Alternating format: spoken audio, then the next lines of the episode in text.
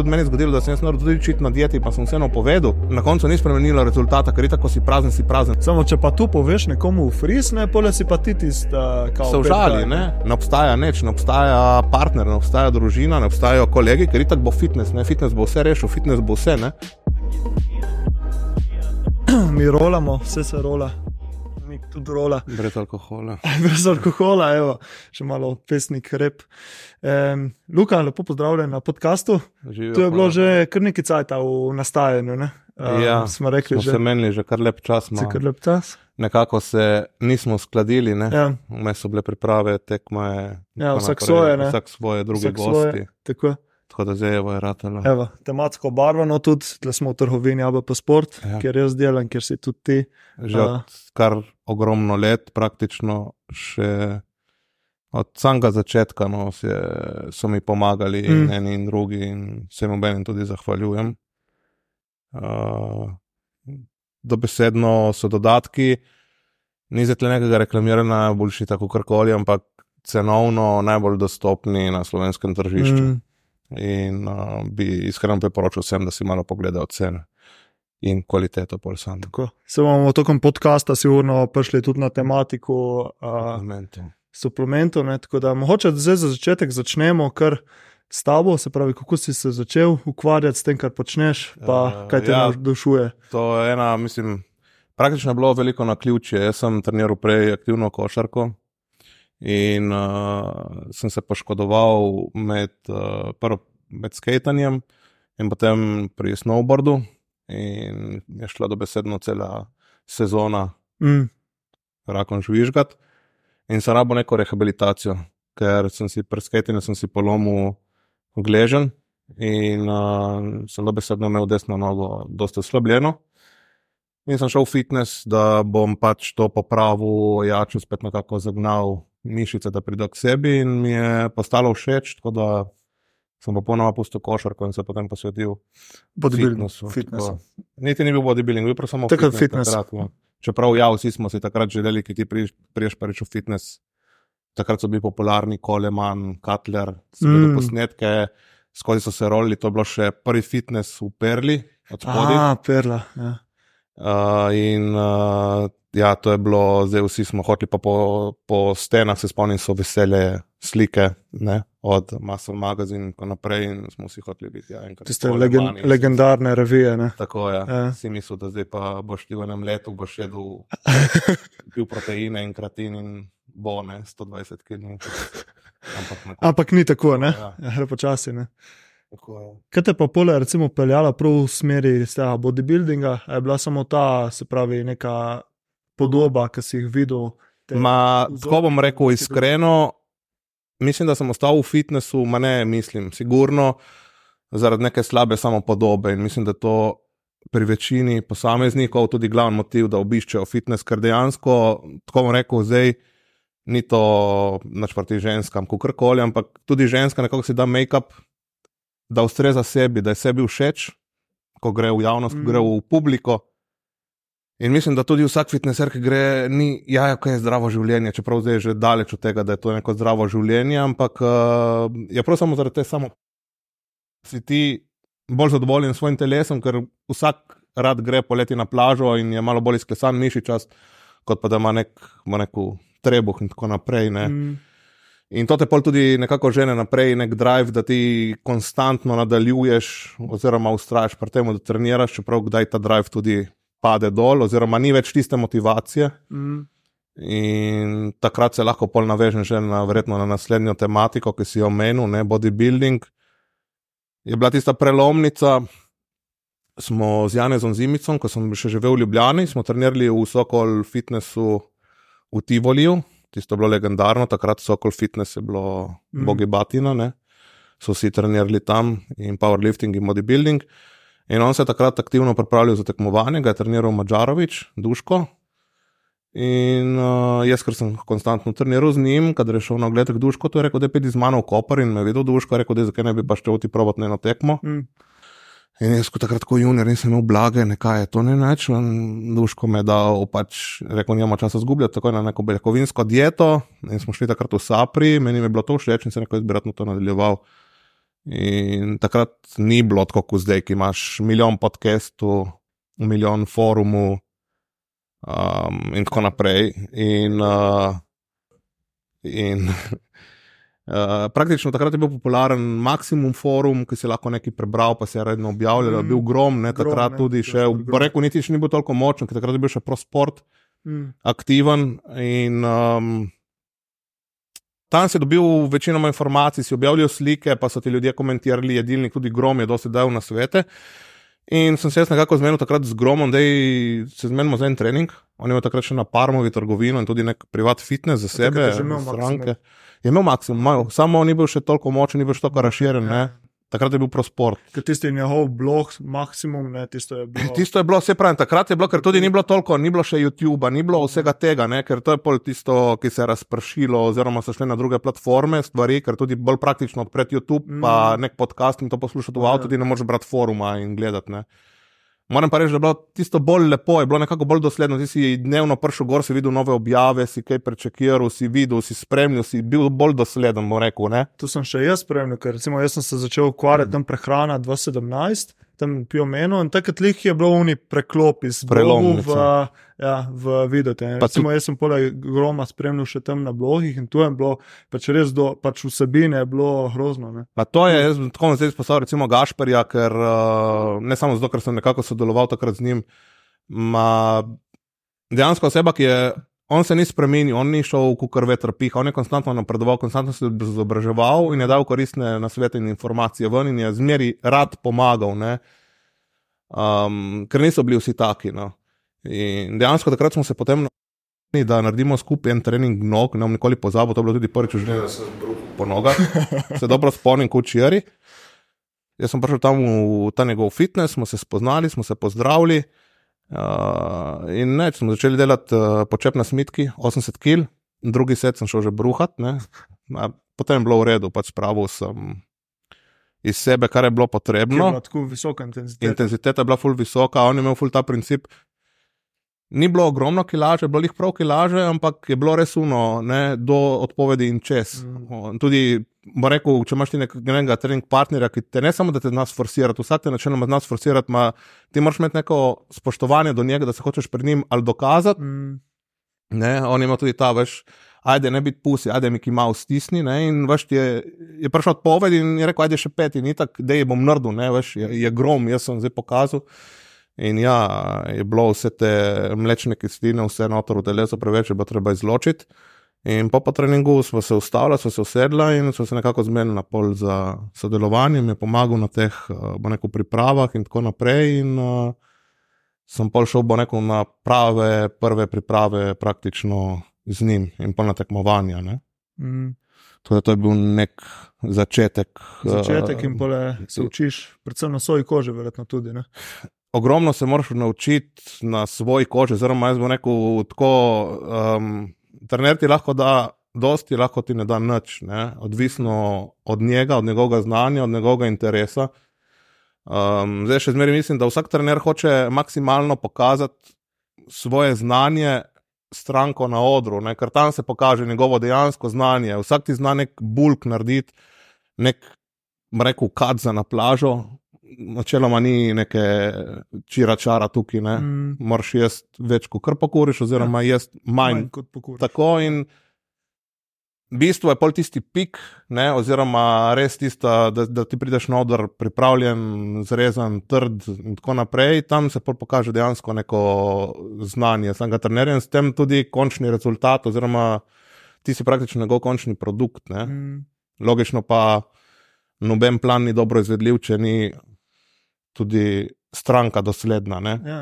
Ker, pač mar, ti, moraš, ti moraš narediti. Ti moraš dati 110% od sebe, ne da bo plan uspešen, ampak da boš ti res prekazal vse, sem to zmeril v glavi. Eh, ne smem razočarati sebe, ne smem razočarati ostalih, oziroma jaz moram biti najboljši, ker ne greš, na, mislim, da lahko govorim v imenu vseh, ki resno tekmujejo. Ti ne greš s tem namenom, logično, da vsak želi zmagati. Ma, veš, da boš imel konkurenco, veš, da bo lahko zmeri nekdo, ki je boljši, tudi če si dal 110% od sebe in boš spucan, on bo lahko isto spucan mm. in bo še bolj masiven. To je pač tudi dosti stvar genetike in tako naprej, ni samo stvar trenerja, pa kako se to odziva. Lahko gre nekaj narobe med samimi pripravami, med samim pikom, da se kar zgodi, ne vem, se prestavi tekma, pride stres.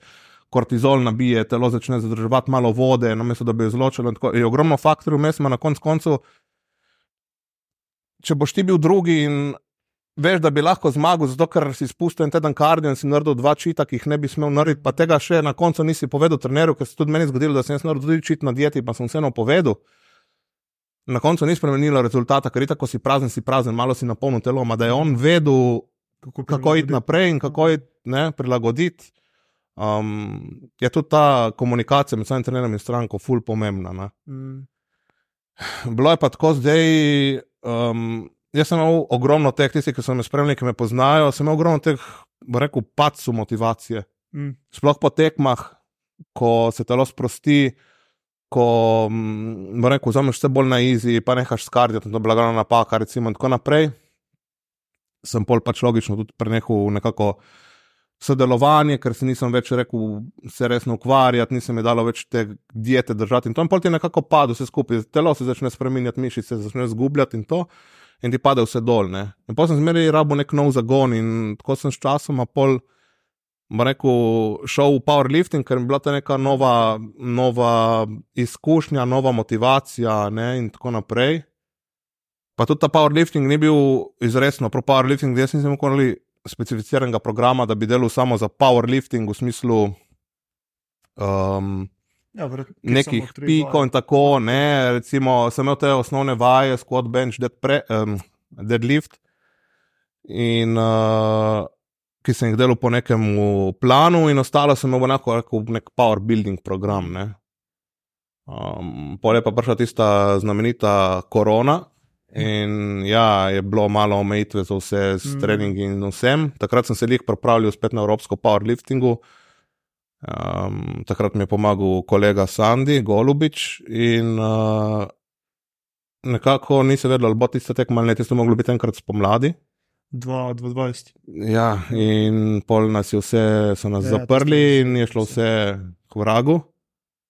In ne, smo bili dosti doma, dosti smo jedli in tako. In jaz sem dejansko tudi dobro, ok, sem prišel neko, nek mejnik 30 let in telo se je začelo spreminjati, uh, hormoni so začeli drugače delovati.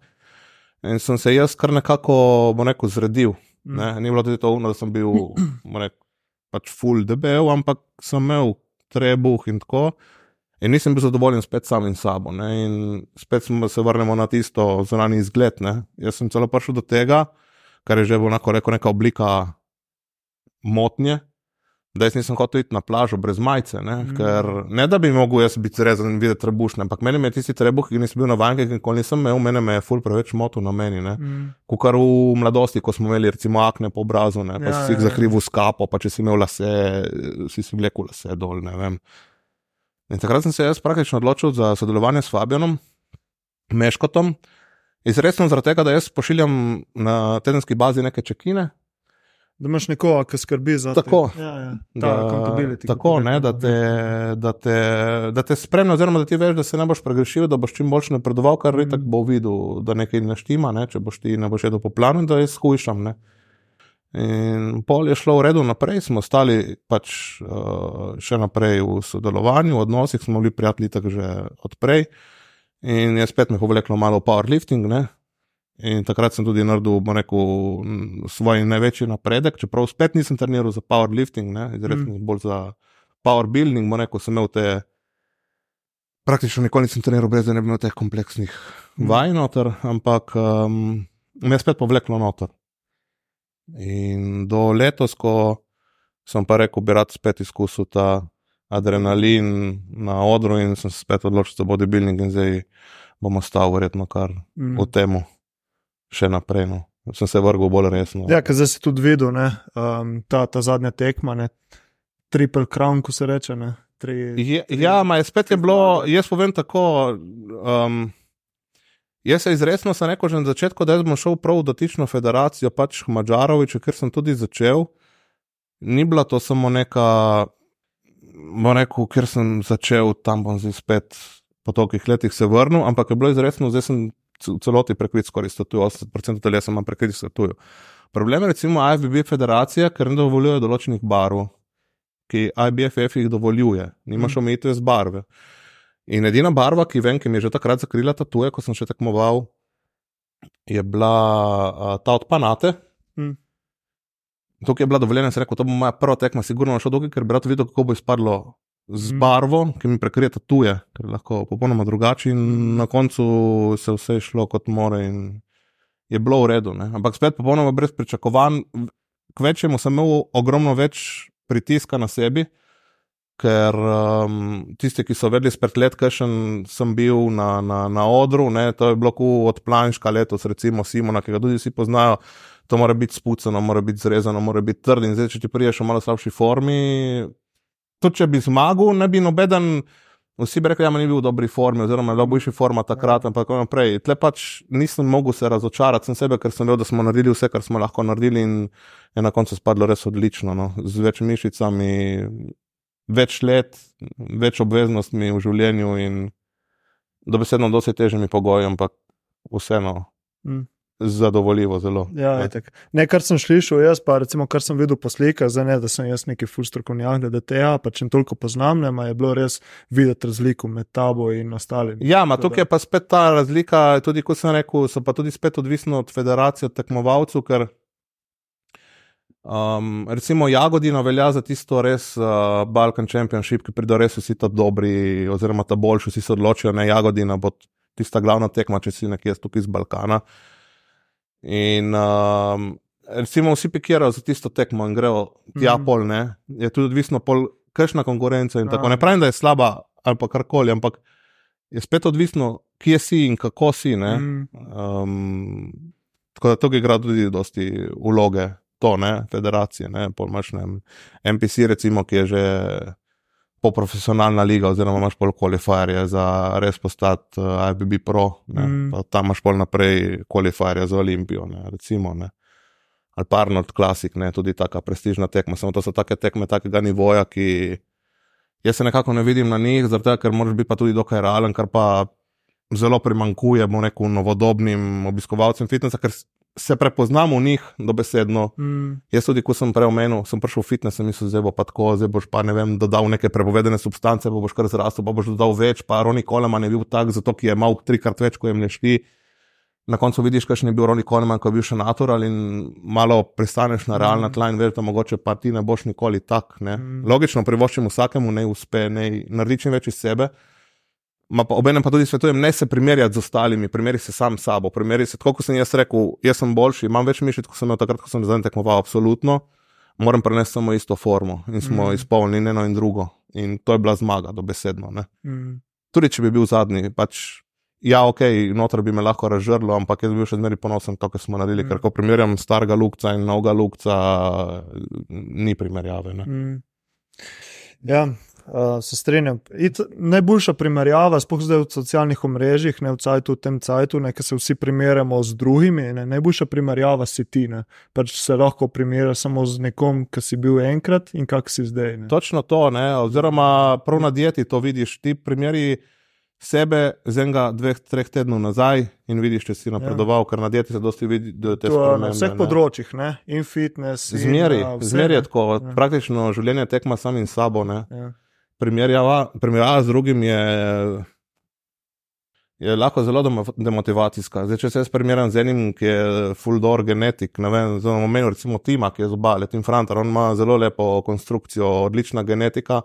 Ma njegov volumen mišic, ko on gre na odr, ne, ima 90 kg, 95 kg, ne vem, kako imel na odru, izgleda, kot da jih ima lahko 105. Mm. Jaz pri 100 kg na odru sem izgledal manjši kot on, recimo, ne pravim, tukaj je spet genetika v igri in ne morem jaz se ja. primerjati z nekom, ne morem pa se primerjati z enim, ki je slabši, ker spet nima, nima, nima smisla, ne praktično. Ne? Tako da iskati motivacijo nekomu, ki je slabši, oziroma demotivacijo nekomu, ki je boljši, nima smisla, ker te bo samo potrlo. Ja, Zmeri išči motivacijo samem sebe. Ne?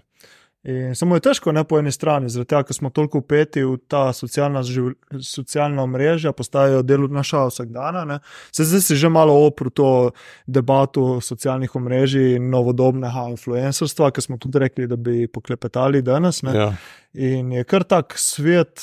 Mislim, težko je navigirati po tem svetu, ker je res toliko teh influencerjev, ne veš, komu zaupati. Ne, praktično ne mogoče navigirati, zato ker to sem večkrat že rekel, socialni mediji so nam prenesli ogromno koristnega, ma so nam prenesli pa dosti več slabega. Pustimo to, da se ljudje dosti manj družijo od zunaj, dosti manj so v naravi, dosti manj cenijo vrednote in tako naprej.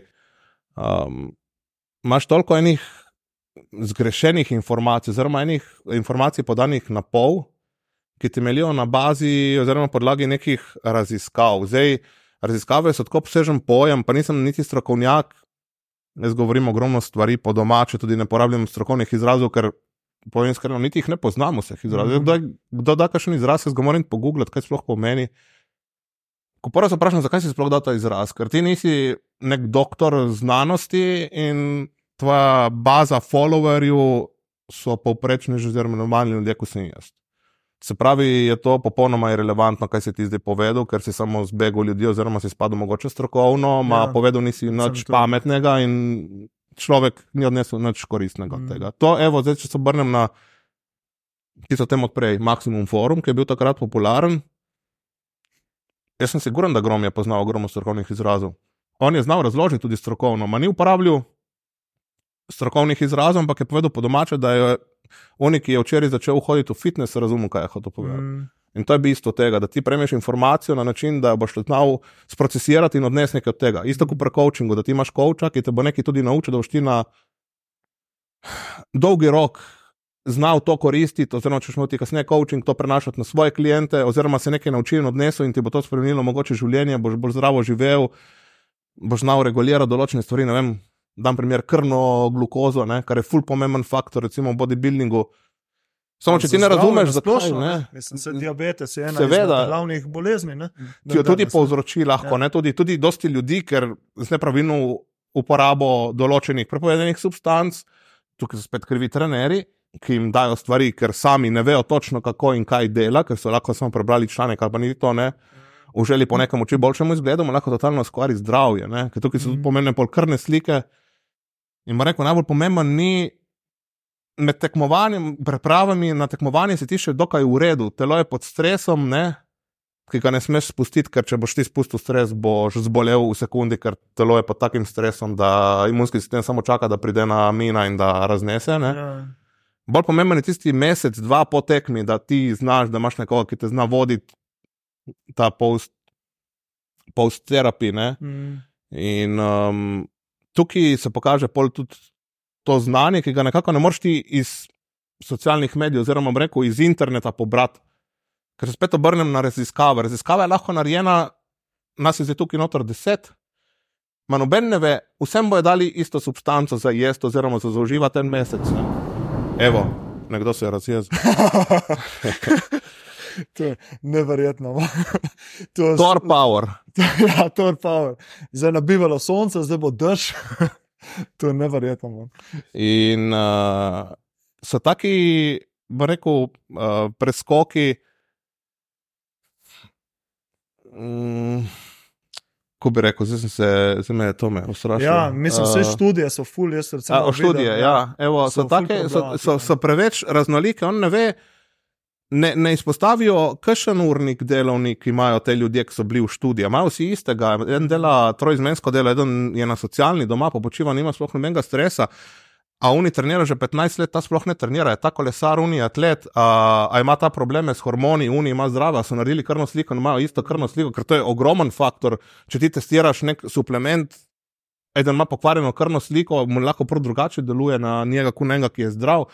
In zato so študije irrelevantne, oziroma, bo rekel, kar se tiče fitnesa, ne pravim, da so zgrešene, ampak vsakemu posamezniku ustreza popolnoma nek drug pristop. To, in ti moraš sprobati, oziroma trener te more sprobati, ugotoviti, kaj tebi najbolj ustreza in na podlagi tega pol graditi, ker ni ene formule za vse. Ker če bi bila ena formula za vse, bi ti pobral formula od Ronja Kolemana in bi bil isti kon. Ma ni, ok, tle še genetika, ma bi optimalno napredoval, ampak ni tako. Je tle vmes še spanec, regeneracija, hrana, dodatki, ki jih nekdo uživa ali pa jih ne uživa, in tako naprej. Mm. In zato jaz rečem, jej živila, ki ti ne delajo problemu, jej dobra živila, čim manj procesirana živila, logično, zmeri v nekih mejah normale, ker na koncu malo kdo postane pro in živi od tega. Tako da mm. Da so ti odrekel vsem sladkarijam, piškotom in torticam za rok petih let, in pol te bo totalno sfuzlo, ne boš mogel več nehati jesti, in boš totalno padel ven iz vsega, tudi nima smisla. Mm. Ker na koncu dobiš ti, ja, dobiš nek pokal in tako naprej, neko zadovoljstvo, ima to zadovoljstvo pol mine, ti hočeš več. Mm. In tisto odrekanje konstantno ti je naredilo samo škodo. Ne? Tako da mm. nek balans. Ne, tudi socialno življenje ne smeš zapostaviti. Ja, recimo, ja, ker to dosti ljudi na začetku je toliko. Govorim iz svojih izkušenj, nisem bil isti na začetku, ne, totalno padeš noter. Je, fitness je vse, ne, gledaš samo uro, kdaj boš jedel, uro, kdaj bo trening, kdaj boš spat.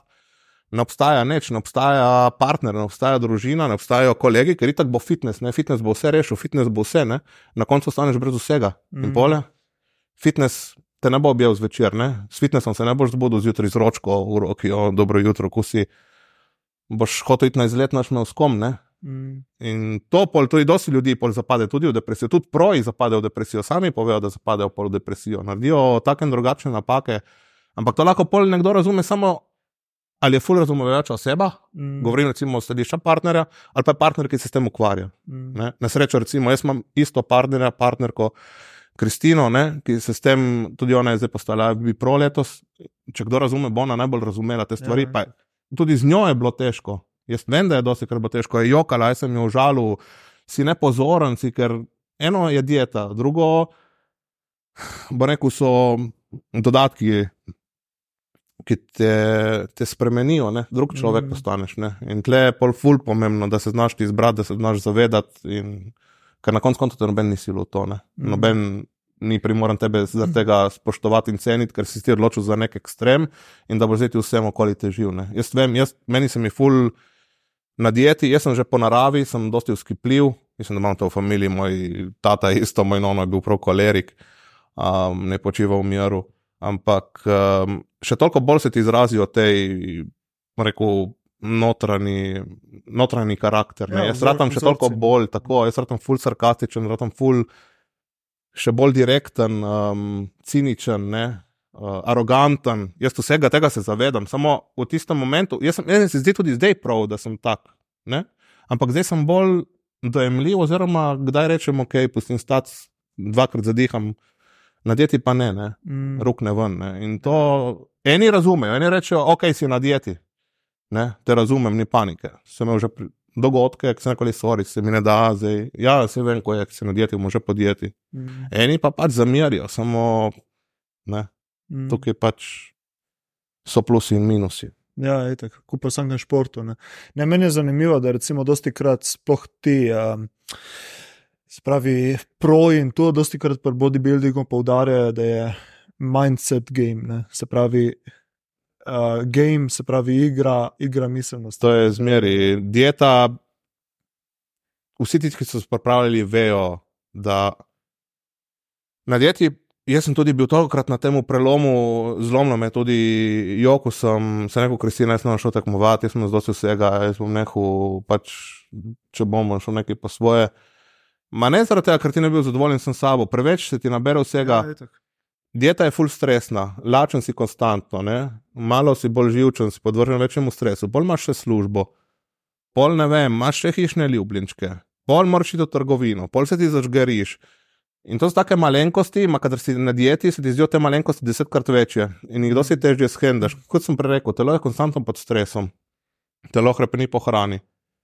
Um, ti si utrujen, veš, da te čaka še trening, veš, da ne smeš spustiti kardiota. Nekaj se ti zavleče, eno uro zgubiš v dnevu, ki že tako imaš eno uro premalo, in zdaj sem zgubil še eno uro.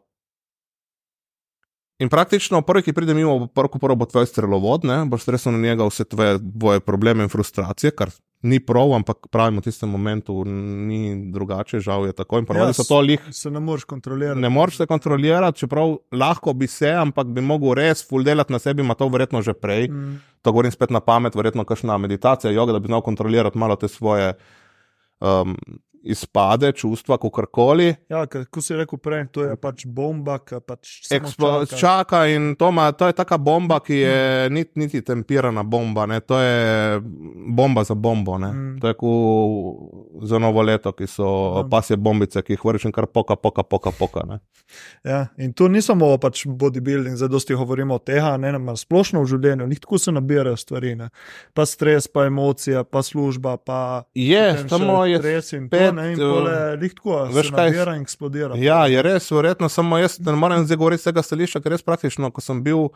Rekel, mlajši sem tekmoval še bodybuilding in sem bil še praktično pri starših. Tudi jaz dejansko tega stresa takrat nisem občutil toliko. Mm. Oziroma, kasneje sem že živel v Ljubljani, pa sem sem bil pod podporom staršev. Mm. Um, sem tudi delal kot študent, ampak še zmeraj je bilo to 30% mojih ne, ne. potreb mesečnih. Ne? Tako da še zmeraj, jaz sem vedel, bom poklical mamo, bom poklical očeta, bom poklical brata in mi bojo oni pomagali in stali z hrbtom in ni bilo tega, kot zdaj. Zdaj pa imaš mm. en kredit, um, stroške, hrana, coaching plačevati uh, in. Veš, da je služba tista primarna. Tudi za službo, recimo, sem se bal, ne? ker sem bil v službi, je prišel dan, je prišla ura, jaz sem bil megla, ne zato, ker bi hotel, jaz nisem razumel nič, ne, mm. glava ti ne deluje več. In je prišlo do tega, da sem rekel, da če bo ogrožena moja služba, pač prekinem priprave. Mm. Ker zdaj spet ponavljam, odvisno je kakšna služba. Če si ti delaš, ne vem, dan primer na recepciji, ki ni toliko stresno, ne, oziroma ne rabiš delati 16 korakov dnevno, ne, je mm. ena stvar. Zdaj pa če imaš neko odgovorno delo.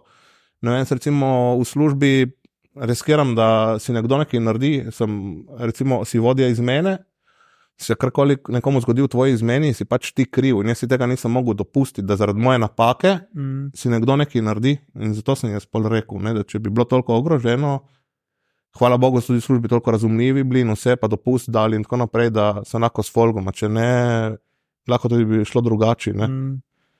In uh, žal je tako, da kot sem rekel prej, bodybuilding že ogromno časa, oziroma fitness svet, govorim že na amaterskem nivoju, za nekoga, tudi, ki ne tekmuje.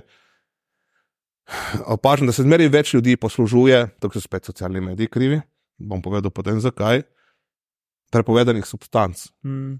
Zdaj bom lagal, če bom rekel, da greš ti na tekmo in si je natural. Ne? Tam 99% ljudi, ki smo na tekmi, nobeden ni natural.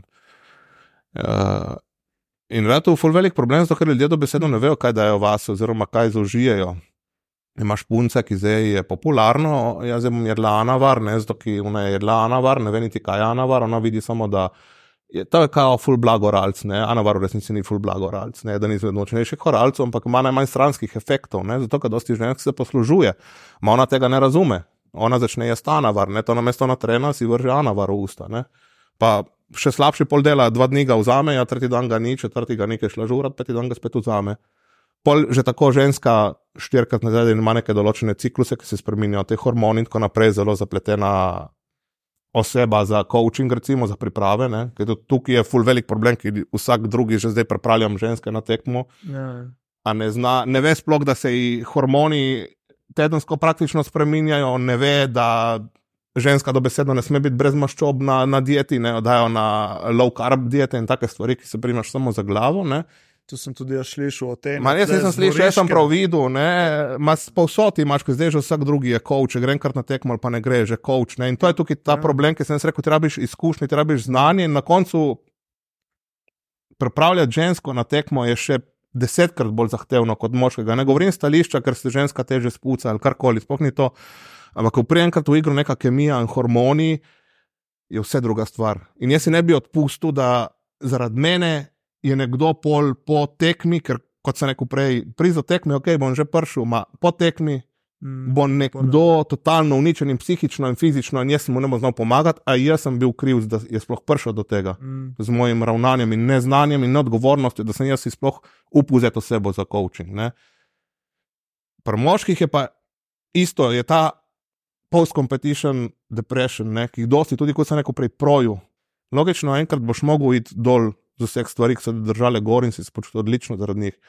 In takrat bo še ta večji mind game, kot je bil med samimi pripravami. Zato, ker med pripravami nekako imaš še zmeri to hormone, ki ti držijo gor in tako naprej, potem pa to gre in začne padati dol in se more telo stabilizirati. In takrat se boš počutil za noč se boš videl še manjši, kot si če prej videl, ker ogromno nas itak imamo vsi to biogoreksijo, bio kontra od anoreksije, ki se vidiš majhen, čeprav rasteš, ti reče, jaz si zrastel, si, jaz sem majhen. Mm. In um, je tudi, pustimo sta, da je v zadnjem času ogromen porast, nažalost, smrti in srčnih kapi zaradi um, ne, prepovedanih stvari, ker to pač ti deluje na vse stvari. Ne uh, tudi, kot se reče, na profesionalnem nivoju, ima tudi samomori. Ne? In to je pač zelo, zelo težka in, rekel, zakomplicirana stvar. Ne? In je zelo težko o tem sploh soditi in biti pameten, ker nikoli ne veš, kaj nekdo doživlja v tistem trenutku. Mm. Vem pa, da je zelo težko, kot sem rekel, takrat si ti lahko zapreš popolnoma vase, ker ko hormoni ne sodelujo s tabo, oziroma so vsi razfršolani, se človeku marsikaj dogaja v glavi ne? in marsikaj lahko naredi, kar sicer ne bi naredil. In tle so pa tisti problemi, koga imaš ob sebi. Um, imaš trenerja, ki te zna držati gore, imaš trenerja, ki zna pravilno pristopiti, imaš trenerja, da sploh ne čutiš tega, bomo rekel, disbalansa. Ne? Ampak to so spet vse izkušnje, plus koliko te oseba pozna. Mm. Ampak pride, pride, ko se neko tudi do tega. Ne. In žal je tako, da pač tu znanje pridobiš samo z leti in skozi lašne izkušnje. Ne.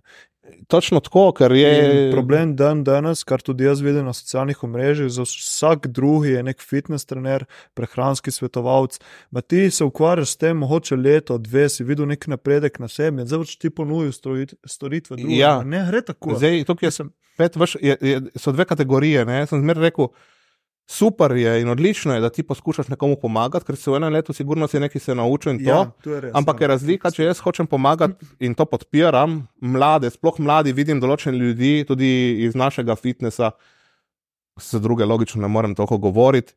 Ki si pomagajo, dajo na svete. Tudi jaz rad da komu pomagam, ker sem naredil ogromno napak in če bi jih prej vedel, bi bilo dosti boljši. Pa mogoče ne bi bilo vsaj kakšnih poškodb, to če ne bi bilo napredka boljšega. Kar, mm. In zakaj ne bi nekomu dobro namerno samo ne. povedal. Pa že na malenkost, ne vem, vidiš dela po čepu v nekih najkicah, ki se vse prepogiba, se mu premika noga. Ja, človek se je preveč poškodoval, deli bosel, deli s čeljem, ki ima trdo podplat. Ne. Recimo, en, ima dobro del na svetu in dobro nameren in ni nič ja, ja. slabega. Ne. Zdaj pa, pa jaz ponudim nek coaching. Ki niti sam ne znam brati krvnih slik, ne vem, kaj koga. Imam mogoče samo eno izkušnjo z enim trenerjem. Eno tekmo sem šel, poznam en pik, en princip diete bom naredil pa več škode kot koristi. Ma, in še neka druga stvar je, rečemo, da te jaz pripravljam za stojn, je še neka. Da ti računaš. Ja, ni prav, ma, da pa mi ti računaš. Ko da ti jaz rečem, Jani, rabiš transplantacijo las, jaz bi jo rabu, da ji pogledam na YouTube. Jaz sem videl unga kolega, ko je delal in zdaj, a bi ti meni zaupal. Ja. A bi zaupal, če mi zdaj rečem. Um, Boh ne dej, nekdo, ki ga poznam, ima probleme eh, s srcem, rabi operacijo, nujno. A boš ti zaupal enemu, ki zdaj je zaključil faks, ki nima nobenih izkušenj. Mm. In isto je pri tem, ljudje se tega ne zavedajo. Mm. Ne, mislim, bodybuilding je praktično je farmacija, je zdravje. Ali, ali se gre samo za hrano, ali se gre za suplement, ali se gre za prepovedane substance. Zmeri je igranje z zdravjem nekoga mm. in ga boš imel ti navesti. Zakaj? Zato, da si mu zaračunal tistih 100 evrov, pa še to na črno, nimaš niti firme ma pustimo stati tle, ne? ker tudi tukaj so problemi. So ljudje, ki se trudijo, so koči, ki se trudijo. Recimo, moj prejšnji trener ima ženo, ima sta coaching, ima sta registriran coaching, ima sta stran in vse skupaj. In ima sta tako in tako ceno. In pol kaj se zgodi? Pride en, ko smo prej rekli, ki je začel trenirati učijari, a pa dve leti, tri leti, nima veze, nima nekih izkušenj. On ve, koliko imajo oni ceno, zdaj dam primer. Oni imajo 100 evrov, ok, bom dal pa za 70. In kaj se zgodi? Vsi ti ja. mladi bojo navali k meni, ker imam 30 evrov, ker vemo, ko si študent, nimaš denarja, živiš od tistih žepnin. Ma hočem med kočem, 30 evrov bom prišparil, ne? to je nek denar v celem letu, ne par proteinov in tako mm. naprej. Je, ne? In že tle se dela pol, bo neko krivica, pa neka ne, ne, ne fair, uh, ne fair uh, konkurenca, no, mm. tako, ne? kar spet ni prav. Ne? Ti ne moreš prodajati kreatina, a na to daš uh, glukozo. Mm. Pa točno tako je, če primerjam določene trenerje med sabo. Mm. In to je tisto, kar smo prej začeli debato od socialnih medijev. Tukaj igra ful veliko vlogo ta popularnost. Ne? ne samo koliko imaš ti followerji, ampak kdo so ti followerji, koliko si ti mlad, koliko si ti priljubljen, koliko si ti lep. Ne? Recimo, pogledaš atlet od Jim Sharka, so vsi lepi, estetski, ženski, moški, vsi, ne, ena, ni da ni. Um, ma če on, zdaj ta ena od njih izbere menga, nimam pojma imen, če on dela rose, cable rose, recimo za hrbet in reče, da to je pa najboljša vaja za hrbet. Zdaj, vsi oni, ki so zaljubljeni v tega človeka, ki ga spremljajo, bo šli, in to je pa najboljši. In on, on bo zdaj govoril, to je pa najboljši vaja, ne? brez da bi prej sprobil, pa mogoče po možnosti še dela na robe. In to je ta problem, ki je rekel, ogromno slabih informacij in tudi te študije, ki jih pol dajo ven. Moraš trenirati samo enkrat na teden, moraš trenirati samo en set, moraš trenirati samo pet setov. Jaz sem recimo prej full časa treniral, bo neko neka dva delovna seta. Ok, ja, kam sem delal tudi na moč in to ni bilo toliko, je bila je bilo bistvo neko, da nabijemo neko maso, ne toliko ta volumen. Ne? In je bilo v redu, Ma, zdaj smo spremenili princip, imam dosti več volumna in tam se telo boljše odziva. Recimo, in to je tisto, ki moraš ti varirati, probavati, probavati, odvisno od cilja. Ker recimo Gregor je pa jih kontra, on je začel s full volumna ne? in zdaj, ker recimo Gregor Bočin. Ja.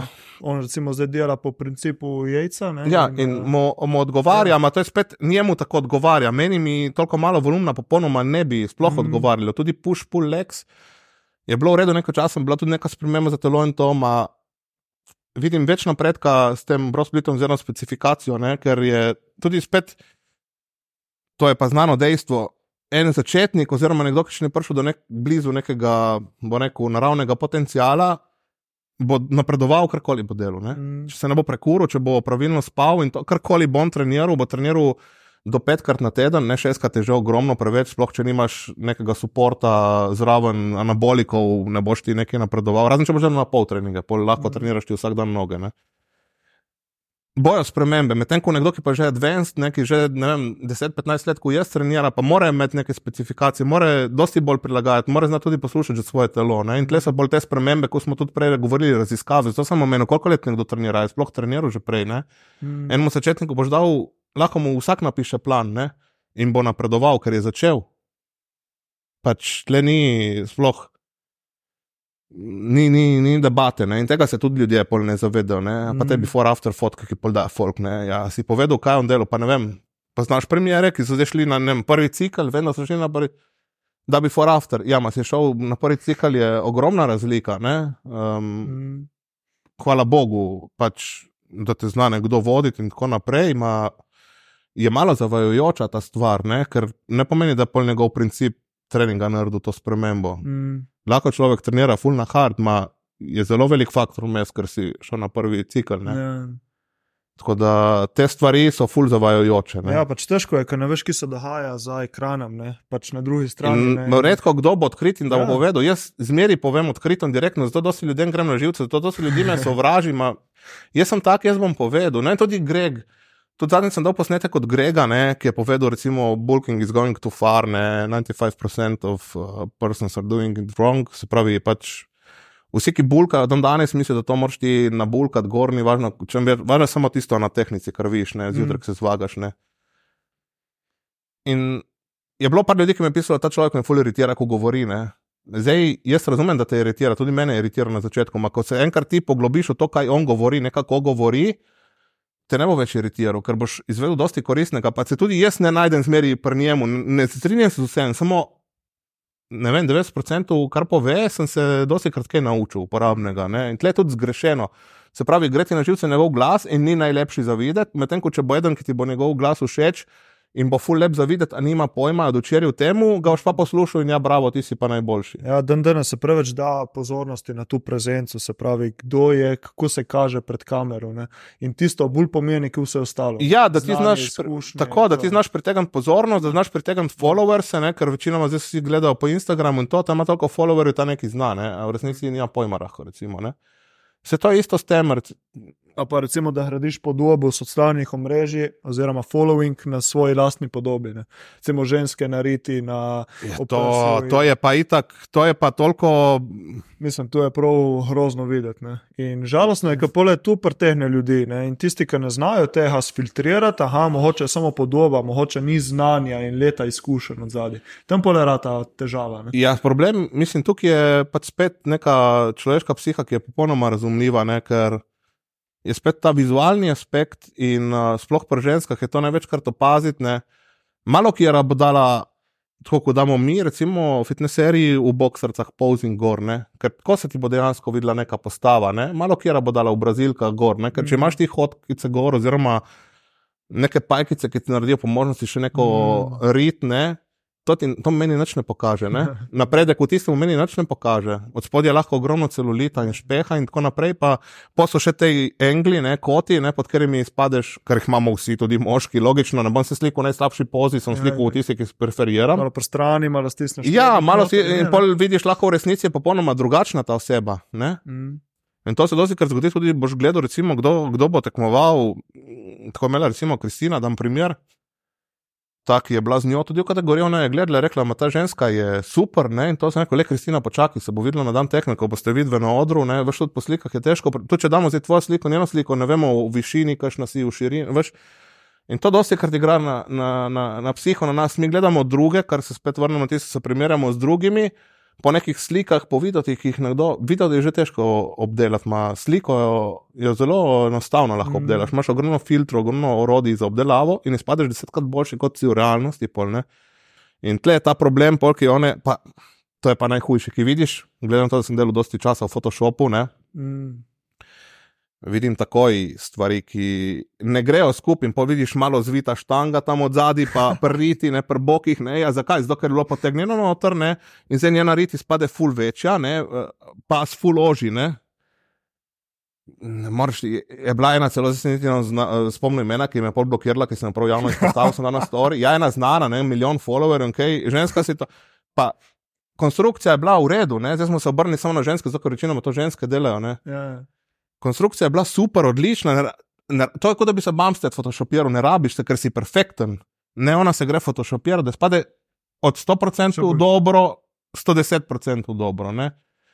In ljudje, ki pač tega ne vidijo, ženska, recimo, v želji po nekemu super, da bi bile spet tudi one tako lepe, oziroma spet se vrnemo na tisto ustrežljive okolici, ona bo logično njej nasedala in sledila. Ne? Ona dela neke polovične um, ne vem, hip traste tam in to bo rekla, ja, je najboljši za red in zdaj ta bo ponavljala za njo in delala to, ne vem, da bi lepo zategovala do konca gora, aktivirala maksimalno uh, zadnico in tako naprej. Ne? In se spet vrnemo na tisto podajanje zgrešenih informacij. Ne? Plus, da ne upoštevamo potem genetike in tako naprej, ker nekdo ima lahko genet, genetsko že noge, ful dobre in spodnji del telesa nasploh. In mu lahko sploh nikoli ni treba, lahko enkrat počepo v življenju, pa ima boljšo postavo, spodnji del, kot ga ima ena ženska, ki lahko bo pet let se trudila maksimalno na najboljši možen način, ne bo nikoli tega dosegla. Mm. In tle se pol potegnejo tej poželi nekega izgleda na podlagi popolnoma zgrešenih, oziroma nobenih informacij, sploh ki bi ti povedali, kako je človek sploh prišel do tega, oziroma kakšen je bil prej. Mm. In to manjka ljudem. Mm. Zdaj si že parkrat omenil te vaje, se pravi, Zdaj, kar jaz spremljam, tudi, tudi ti, dosti pišeš o tem na socialnih, je preveč se mi zdi, da se poudarja, se pravi, izolacijske vaje in ne toliko spet old school, se pravi, te compound vaje. Tako da, da malo predstavi tvoj pogled na te stvari. No. Je, tle je spet je tako, je full dvorezen meč. Ne. Te compound vaje, jaz sem jih konstantno delal zmer, odkar sem začel praktično. Ko sem prišel v Perlo, v fitness, takrat je bil tam Jani Črne, on je bil takrat res uno, odlična genetika, izklesan, lep, nabit, uno, pač res postava ena. In uh, on me je že takrat upeljal v to, jaz sem vsakeč, ko me on vodil skozi treninge, takrat me on vodil. Uh, konstantno sem delal in bench, in počep, in deadlift, pač prav sem njih začel, učil me je pravilnih gibov in tako naprej. Ne. Jaz sem takrat imel 87 kg, začel sem 76, mi pač prav skiram totalno. Ne ektomorfen tip človeka, to mi zdaj pride prav na dieti. Mm. In uh, sem 87 kg, sem potegnil z njegovo pomočjo 200 kg deadlifta, ne? ma brez silomit, hrbtenice in tako naprej, ker se spomnim, ker to je bilo meni. Ben sem dosti slabši, sem za teh 100 kg rabu ogromno časa, se spomnim, ker to so bile tiste prelomnice 100, 200, mm. ki sem začel. Ne? In um, jaz sem še zmeri tega mnenja, da, ko sem že prej omenil, vsak princip je dober, ne? vse poti vodijo v Rim samo za narediti neko osnovno maso, sploh na bulku, na dieti, ker je možnost poškodb dosti večja. so še zmeraj te kompleksne vaje. Zakaj so kompleksne? Ker praktično se ti poveže sama beseda kompleksnost, ne? zajema večji del telesa. Ja, Zapravi ti praktično s BD-jem bi lahko naredil 90% telesa, ne? po teoriji, po logiki, ne po teoriji. Pač. Ker ne, pri počepu ti dela celotne noge, plus hrbet, trebušna stena, pri deadliftu ti dela celotni zgornji del, plus noge, plus trebušna, dobro, pri kombotu ti delajo bolj noge. Um, pri sumo ti delajo bolj noge, pri kombotu ti delajo bolj okay. gornji del, ne? ampak in bench press pa je ta krame, triceps. Prsa, praktično ne ostane nič drugega. Če imaš dosti drive. Ne? Ja, Mador, tisto je premajhna obremenitev, da bi ti neki ful napredoval, mm. ker ne, ampak Rečemo, ne, so te, pa dodaš še, uh, ne vem, overhead press, recimo, ne, in imaš že skoraj cel spektr, celo telo. Medtem ko z izolacijskimi vajami boš ti specificiral samo eno mišično skupino, oziroma določen del mišič, mišice, ne, kar spet ni nič narobe. Samo za moje pojme je še zmeraj tisti osnovni graditelj, bom rekel, temelji hiše so kompleksne vaje, in pol so tisti vmes cegli in korci na strehi, so pol te. Eh, izolacije oziroma specifikacije in tako naprej, ne? ker tle tudi folk zna ful zakomplicirati, ne? recimo pod tem kotom, pod unim kotom, pod unim obratom roka tako, roka tako, roka tako, ne. V bistvu je, da če boš ti zdel mišico ali boš dal roko tako, ali boš dal roko tako, če bo jaz centriral recimo lace, ko bo jaz na koncu zategnil v bistvu, kaj jaz čutim, ne? ali bom jaz dal pod kotom horizontalnim, vertikalnim, ja, eno ti bo delo malo širino, eno globino, ma tista razlika, po mojem, bo mm. toliko minimalna vsi ta bujši, za moje pojme, old school era, ne, golden era, tudi zato jo kličejo golden era, Coleman, Cutler, ne, vsi, Liprist, vsi. Poglej njihove videe, princip treninga so imeli popolnoma drugačen. Cutler rekel, sem, naredil 45 minut, ne, recimo, in je naredil vse. Vsi so delili počep. Vsi so delili ali heavy barbell rows ali deadlifte, med, govorim, zmeri na bulku. Koleman, itak je prišel iz powerliftinga in še naprej treniral powerlifting style, ne? Mm. ogromne kilaže. Ja, zdaj je cel poškodovan, seveda je poškodovan, on ima že predispozicijo, spredaj ima poškodovane kolke in to, ki folk govori skozi on se med powerliftingom, ne? Ja, on je sam povedal, da ima že odprej, ne, probleme. Mislim. Mm. In zdaj spet oni risks over benefits, ne? Človek je osemkrat zmagal Olimpijo, ne? Zdaj ne dvigne eden roko in ne, ne je iskren, ki bi rekel, jaz ne bi rad osemkrat zmagal Mr. Olympia Open Bodybuilding s tem, da bom na stara leta imel poškodovane kolke. Ne pove, kdo je tak, da bi to rekel. Mm. Od teh jih tekmujemo, ker vem, da vsi bi dali vse, da bi bili čim boljši in zrasli. Ne? Tisti, ki reče, ne, ne, bo, jaz bom pa neki šel na pol, lažje komu drugemu, ker pol ne bi šel tekmovati. Ne? Mm. Mislim, to je moje iskreno mnenje. Tako da jaz sem še zmeraj zagovornik, da neke osnovne te kompleksne vaje zmeri dobro vključiti. Logično, da delaš s pametjo, z glavo, daš mogoče malo manj kil, da ne pride do poškodb, da delaš lahko še zmeri lepo kontrolo, ampak jih je zmeri smiselno vključiti. Ni pa nič narobe, če bom zamenil jaz, ne vem. Bench press, recimo, ful taka, neko svinska vaja, ker ogromno, kad si poškoduješ roko, lahko rame, ne, popolnoma drugo mišico, kot tisto, ki bi rad treniral. Um, je lahko komod zamenjaš pač uh, z napravo, recimo smitki, ker je dosti manjša možnost poškodb, v bistvu počep. Ne? Tudi Bams je zamenil prosti počep s smitko, recimo, ni zaradi tega, sam povedal zaradi poškodb. Mm. Ampak zmeri je kompleksna vaja, zmeri je počep, zmeri je bench press, ne? ali bo zdaj incline, pač ker večini nam na manjka gornji del, ali boš decline, ali boš navadnega, je tvoja izbira, pa lahko variraš. Ampak so še zmeri, mislim, da tisti osnovni graditelji, ki ti dajo res mm. maso in to, ne, ker praktično tudi te separacije in vse, ki smo jih takrat gledali, interdota, mislim, da je bila sigurno tudi posledica. Suplementov so imeli sigurno manj. Mm. Uh, kar se tiče anabolikov, so imeli sigurno manj izbire, kot je danes, pa zdaj so še sarmi in vse naprej. Se pravi, edina stvar, ki je takrat spremenila, se, so bili treningi. Mm. Zdaj, kako so trenirali, ali enkrat na teden, ali enkrat na tom placu, recimo enkrat na dva tedna noge, ne? pa mm. je vmes dobesedno zamenjal dva spotarja, ki se je spotaril vmes uničil, ki je prišel do odpovedi že in mogel pri drugi spotar mu pomagati, da je še on ga uničil, da je on končal set, ne, prelege stenšno. Ma tle ni samo mind game, tle ja, je mind game, samo tle je tudi eden na deset milijonov, ki pretak človek, da lahko tako mm. trenira. Ker tudi tle do odpovedi, ogromno ljudi reče, jaz pridem do odpovedi, a na koncu je njegova odpoved še svetlobna leta. Ko pa veš, kje je tvoja odpoved? Odpoved načeloma ne bi bila tam, ko ti ne moreš več, zdaj spet tukaj. ogromno ljudi reče, Mislim, odpoved, definicija je, definicija. da prideš ti do odpovedi, se pravi, da ne moreš narediti nič. Ne morem, ve, ne morem več, totalno, mišica totalno odpove, ne, kar ti pove beseda. Ne, se pravi, ti ne moreš več narediti giba. Ne. Ti, Samo v praksi je pa drhač to. Ne, ja, v praksi zdaj hočejo spremenjati z nekim izumljenim tople vode, da odpoved je pa tam, ko ti um, ne delaš več optimalno 100% tehniko. Ne. Se pravi, za te pojme je zmeraj spostavljen hrbet, recimo, ki je najlažje za prikazati. Ti delaš recimo neke, neko veslanje in moraš biti zravnan, ne? in zdaj jaz povlečem, zatisnem. In ko ne morem več tega giba narediti, brez da bi naredil to, si pomagal, se pravi, se malo nagnil naprej in zategnil ja. nazaj, zdaj pa konc, ne? to sem zdaj odpoved. A ti bi lahko dejansko še ogromno naredil, ne s tem, da si, kaj sem naredil. Jaz sem si praktično pomagal, ker odpoved, da ti obdržiš 100% gib, zato se neko še daleč. Ne? 100% formo. Ker ti praktično, jaz sem se nagnil naprej, se pravi, jaz sem si malo pomagal, sem se nagnil, sem povlekel prvi del giba s pomočjo, mogoče celo z nogami, nekaj si oprt.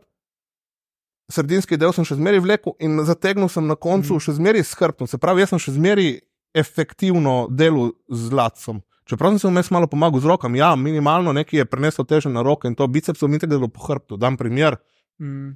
Ma jaz sem še zmeraj efektivno delu na, na, na mišico, ki sem jo targetiral. Se pravi, lahko je ščitam, oziroma je dobrodošlo. Vsi so čitali, vsi ti boljši, ki so trenirali, so čitali. Vsi. Pogledaš Arnija, ko je treniral, ki je delal uh, uh, sede, rose, sem videl posnetek, dobesedno se nagne naprej, povleče nazaj, nagne naprej, povleče nazaj. Ja, ma, hrbet je imel, ne, mislim. In tle je ta spet za nekega amaterja, nek rehab, nek, rekel, ki pride po službi, hoče malo sprejeti v fitness v redu, ga tudi ne rabiš stuzati, ker on pol ne more hoditi drugi dan in ga umirila volja sploh hoditi v fitness. Mm. Je brez veze to. Ok, tam boš šel malo na, na tehniko in tako naprej, ne? on da se malo sprosti. Če si pa ti nek tekmovalec, hočeš napredovati, boš mogel zmeri na koncu malo vsaj Ja. Predoločenih vaj. Tudi verjetno začetniki, ki še začenjajo v fitnessu, ne vejo, kje je še odpoved. Ne? Tudi začetniki, ki začenjajo v fitnessu, niti ne mogo iskreno doseči, ker ti na začetku, ko boš začel trenirati, prvo poro ne boš znal dobro delati vaj, ne boš znal dobro targetirati mišic. Kot drugo, tvoja moč bo ful nihala, ti boš ful hitro lahko napredoval. In na začetku, že karkoli boš ti delal, ti bo takoj napumpalo, takoj boš čutiti sornost, takoj boš v utrujenost. Mm. Um, je popolnoma drug faktor. To sem pa tudi rekel. Začetnik, vsak začetnik bo napredoval, kakšen koli program boš dal. To, če boš ti specificiral 4x8 ponovitev, 50 kg, jaz ti kar streljam na njega, ti moraš narediti 50 kg, on bo imel lahko rezervi še 4 ponovitev, on bo vseeno napredoval, ker je začetnik. Ma pa bo prišla mišica do te točke, ko je pa tisto ne več dovolj. In pol se bo tam se bo zapletlo, ne? ker mm. to tudi dosti krat vidiš, recimo, malo napisano v programu 3x8, ena minuta pauze. Ne? Kako je vedel tvoj trener, da moraš ti jih eno minuto pauze, da boš na vse nekaj sveta boljši? Ne? Oziroma, eno je, če imaš ti specificirano drop, recimo, ali pa res pauzo. To je drugo, Ma da točno med setom, koliko sekund pauze ti rabiš, med vsako vajo, da napišeš med eno in drugo. To je pač tak program, ki je v praksi neefektiven, ne mm. ker spet to se pa sčasoma, dobro, da ga usmeriš človeka, imaš časoma se nauči, tudi spremlja človek, kdaj je on pripravljen za naslednji set, oziroma mm. da bo efektivno ga lahko izvedel, ne? ker lahko je ena minuta popolnoma premalo, lahko je pa ena mm. minuta popolnoma preveč, odvisno od mišic, odvisno od milijon faktorjev, odvisno, kakšne vaje delo prej, odvisno je to prva vaja ali je to zadnja vaja. Je, ogromno stvari. Ja, to je pa to spremljanje in prilagajanje. Seveda, zato pa mora imeti trener znanje in da tudi preuči in klient mora poročila izdajati na tak način, oziroma sproti lahko že poročati med samim treningom, kako in kaj dela, da trener razbere iz tega, kaj in kako prilagajati program za naprej. Mm. Te so pol logično spet izkušnje in znanje. Ki pač spet rabimo čas. Mm. Noben ne konča eh, magisterija v enem letu, ni za brez veze, da traja recimo tri leta, ne? Mm. štiri, specifikacija pet, lahko ne za zdravnika. Ja. In hkrati pač ni samo teoretično znanje, tudi praktično znanje. Praktično je zmeri, ja. v pač, bodybuildingu je zmeri ja. praktično, pred teoretično. Pač Predvsem, recimo jaz vidim dosti iz prehrane, nekakšne dietetičarke prihajajo z Ljubljane šola, ne petletna šola, samo teorija, samo teorija, samo teorija. Prej v praksi, ja, ni prakse. Ne? In je ful pač tako, dosti krat se ali se samo eno ali pa drugo se vzpostavlja, oziroma poudarja, ne mora biti pa skupaj. Je... je tisto, kar je skupaj, je tisto ta pravo. Ne? Je, tako je, te teorije, v praksi se boš naučil rekel, osnove oziroma smernic. Ne?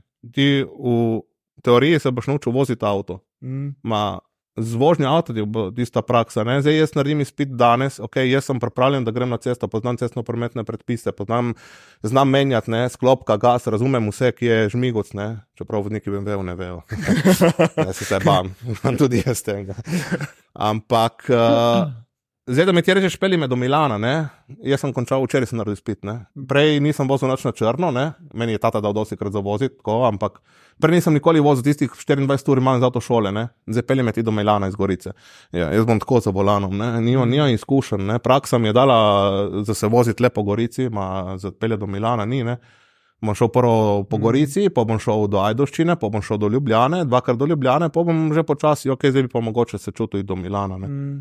In isto je tle. Ne? Tudi ne, ne, zanimivo je, da te trenerji, ki pridejo po enem letu do nekega coachinga, vsi vejo, da bodybuilding ni sprint, ampak je maraton. Ne? Ampak za trenerje, trener je pač sprint, ne? Ne, ne na 60 metrov, na 6 metrov je to. Ne? To je, ironija, to je zan, zanimiva ironija. Ne? Ja, ne? Mislim, govoriš nekaj, delaš drugo in sam sebe, ja, si se praktično potunku s tako izjavo. Ja. Um, Samo če pa tu poveš nekomu v fris, ne, pole si pa ti tisti, ki se užali? Oziroma, pole si hater, pole si. To jaz nikomu ne rečem direktno, ne, ker na koncu koncu tako je. Je problem od stranke, za koga se odločiš, komu gre. Ne? Noben te ne sili, ti moraš iti hunmu in mu plačati, ne? si se ti sam. Ma je še zmeraj neodgovorno od tega človeka, da ponuja to storitev v vednosti, da ne ve. Mm. Ne? Ker jaz vem, da ne vem nič. Ne? Vsak, dam primer Marijo, ta skrka, ki odličen, vsi ga spoštujemo, enciklopedija na dveh nogah, on ti bo samo rekel, da ve, da ne ve. Ne? Mhm. Ker je, je toliko tega, da je ne mogoče v enem življenju vse predelati in se vse naučiti. Ne? Še na pro-nivojih pro, pro ljudje menjajo trenerje. Mm. Niso verjetno zato, ker niso zadovoljni, ker niso. Kris je tudi zamenjal trenerje, ne? pa je zmagal Olimpijo z njim. Mm. Ne govorim, da ni bil zadovoljen, očitno nek drug pristop, ki je še boljši. Vsi se pričakujejo, jaz se boljši ne more biti, prišel naslednje leto na odre, je bil še boljši ne? z drugim trenerjem. Verjetno lahko bi bil starim isto, ma, kdo ve. Ne? Pač nek zdrav princip mora biti do tega. Hkrati te tudi ta. Pač to zavedanje, da ne veš nič, te hkrati ne smejo uvirati. Ne, absolutno, da, ne, da veš dovolj, ja. da veš dovolj, tako, ma moraš biti toliko, zmeri, toliko realen in prizemljen do sam do sebe. Točno to je. Zmeri se boš mogel izobraževati, nikoli ne boš vsega vedel. Zmeri so dobrodošli na svet ljudi, ki veš, da vejo nekaj več, oziroma tudi lahko sploh ne vejo več, nima veze, kdo ve, če ve, kdo ne več mhm. ve. Če si ti nekaj narobe govoril, si predstavljal, tudi meni, če mi nekdo pol prikaže z dejstvi, jaz sem vesel. Ma če pa da mi tebi en argument in da me ti začneš žaliti brez nekih dokazov, nazaj, oziroma kontraargumenta, meni je pač to, se pravi, nimaš kontraargumenta. Mm ni, nisem jaz tle zmagal, sploh ni tle zmagovalcev in poražencev. Tle samo bistvo, da ti ne širiš stvari, ki niso resnične, oziroma so nesmiselne, oziroma so absurdne, ker delaš samo škodo. Mm. In pol prije do, do tega, da tudi recimo. Kar je zelo žalostno, da se lahko človek odloči za tekmovati, ker praktično zdaj je že ratalo, ker sem jaz tekmoval, je bilo par federacij, je bil UFF, IBFF, uh, IBFF, Waba. Zdaj je bilo tako malo, zdaj imaš ogromno federacij, vsakemu vinkam federacija. Kategorije so se fully razpršile. Jaz sem zmeraj tekmoval, recimo takrat je bilo um, fitness, uh, mislim, da je bila še ena kategorija vmes, mislim, da takrat je bila že atletika, ker sem tudi tekmoval, pol je bil bodybuilding, ne že. Zdaj je prišel men's fizik, klasik fizik, klasik bodybuilding. To, jaz razumem, je dobrodošlo to. Zakaj? Zato, ker se je več ljudi odločilo tekmovati. Mm. Men's fizik je prišel prosto tega stališča, kar smo pregovorili, nek beach body, ne? neko zdravo telo je bilo na začetku. Ne? Zdaj pogledaš men's fizik proje, to so bodybuilderi čisti, ne? to je izklesano telo, masa, da boli glava, genetika. Je popolnoma vse drugo, kar je bilo takrat. Ampak privabili so nove tekmovalce, mm. nove ljudi, širiti se je začel šport, samo se je začel širiti tudi v slabo stran, ne? ni nobene omejitve. Okay, zdaj, aj, bi jaz spremenil pravila, uh, tudi za Olimpijo so spremenili pravila, so dali druge weight klase in tako naprej, da ljudje ne morejo biti tako uh, abnormalno veliki, jaz sploh nisi open bodybuilding, recimo, ne? kar je dobrodošlo. Ne? Ampak uh, bolj ko se širi stvar, več bo denarja v tem.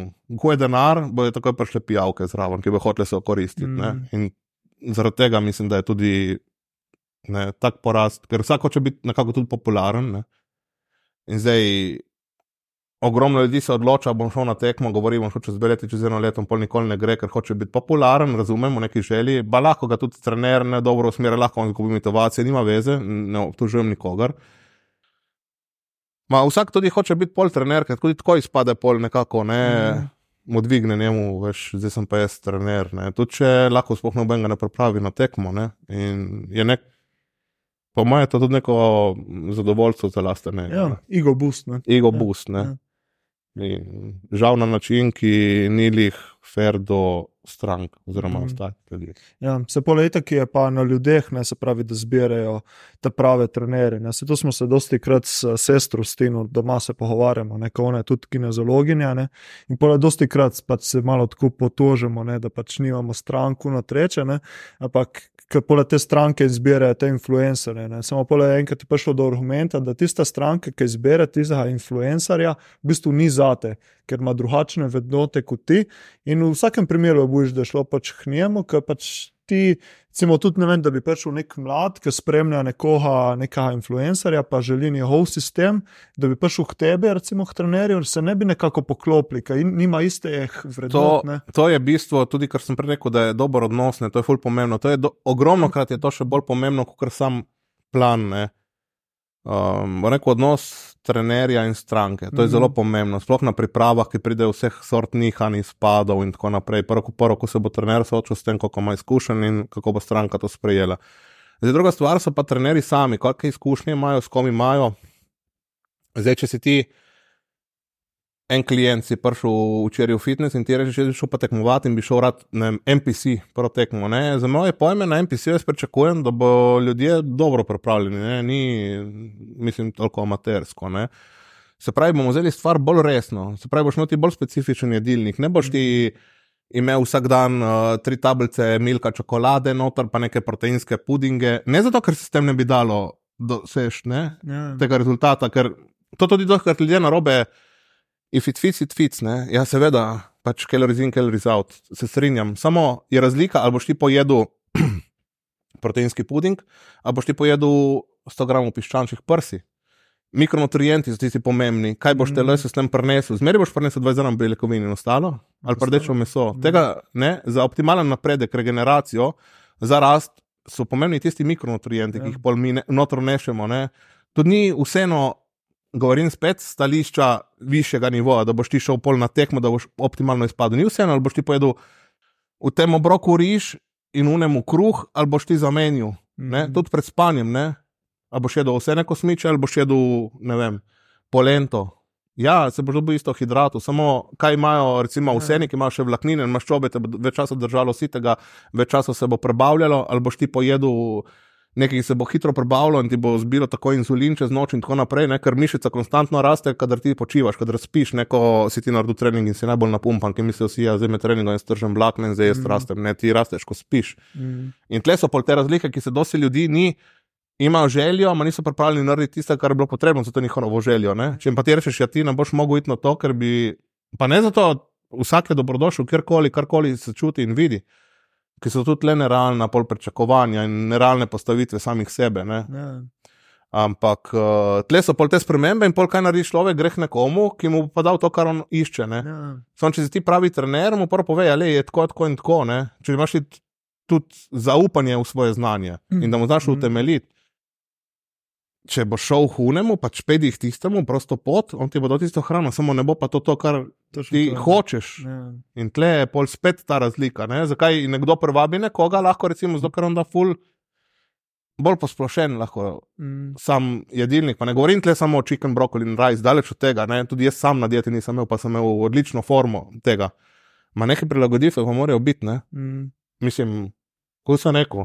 Ja, pa nasplošno se mi zdi, da pač dan danes je zmeraj ljudje iščejo zmeraj manj te globine. Se pravi, lih toliko, da je prav. Krajšnice. Ja, krajšnice. krajšnice. Zato tudi zbirajo pole te influencere, ker veš, podzavestno že veš, da ne bo, recimo, kot da bi šel ne, k nekemu. Bodybuilding coachu, ker tam je 100 postov. Ja, ne, ker on ti bo, on ti bo govoril to, kar ti hočeš slišati, ja, ne, nerealno stanje. Tudi jaz sem dobil grajo vmes in me, prvo me pet minut ja, ja. me zabilo, ne, me prizemlo, ne, sem bil zamorjen. In pa sem rekel, ja, kaj zdaj, zdaj se bom smilil sam sebi ali bom zagrizel ja. resno. In kaj sem naredil, sem rekel, hej, od jutra naprej jaz dodam toliko in toliko kardio, da je lahko. To je. Ne, da je znižje, mi je še oduzel, recimo Fabian, da je znižje na manj. Ampak mi je dala brca ured tisti drive, da sem jaz pa zdaj rekel, pismo, jaz moram zagriz, ne, če mm -hmm. hočem kaj narediti. Zdaj, dokler so bile lepe besede, bilo v redu, ne, pok sem slišal eno slano vmes, pol življenje nima več smisla, ne. Ja, ni tako, ne, zato pa si pol na odru lahko si boljši, lahko si slabši, lahko si povprečen, lahko si najboljša verzija sebe, lahko si najslabša verzija sebe. Mm. Odvisno, koliko boš dal noter, toliko boš dobil ven. Ampak zmeri v primerjavi s samim sabo, ne v primerjavi z unim, ki je bil mogoče pred tabo, ker tako. govorim spet le, koliko let on trenira, kakšno genetiko ima in tako naprej. Tega ljudje pač ne da ne razumejo, nočejo razumeti. Ja. Po eni strani tudi nočejo. Ne? Ker pač, ko enkrat razumeš, veš, da je toliko težja pot. Ne? In ti nečeš, po eni strani nečeš teže poti. Ne? Ja, vsak misli, jaz treniram najbolj hard, jaz sem vinik, jem tako in tako naprej. Ne, nisi edini, ogromno mm. ljudi je, vsi tisti, ki boš na tekmo lahko tako delajo. Se pravi, ti moraš narediti nekaj več, da boš boljši kot oni, ker oni že vse delajo, kar delaš ti. Mm. Ti moraš narediti eno minuto več kardio, da boš boljši kot oni. Ker ti eno minuto sem si zapretiral, deset minut več, v enem tednu je to že 70 minut več, to je že ena mm. ura deset, ki jih oni ni naredil.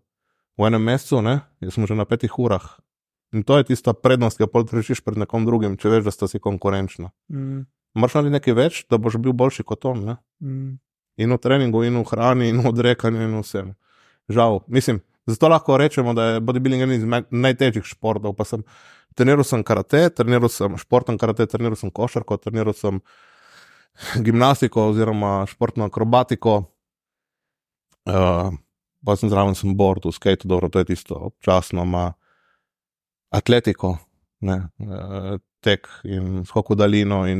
Nikjer ni bilo toliko odrekanja kot pri tem. Vse je mm. bilo posod, so bile tekme, v vseh športih so bile tekme za vikend. Ker ko imaš šolo, ni, ne morejo biti tekme čez teden. Tekme so bile zmeri za vikend. Se pravi, jaz na petek nisem mogel iti ven se na žred, ki v soboto smo štartali v Zagorje, smo imeli tekmo. Razumem? Mm. Matle ni samo, da se ti nisem mogel nažreti v petek, te si nisem mogel nikoli nažreti, po tekmi od košarke sem se lahko napil. Ja, tle mm. se nisem mogel, so ki me čakal v nedeljo kardio in hrana, in sem ja. bil še slab pole. Ne? Tle je tisto pol, ki naredi veliko spremembo. Ne? Ja. Ja, sploh taki športi so mi zdeli še težji, ker ti imaš en, dva pika na sezono, ne? vse delaš samo v tisto. Ne?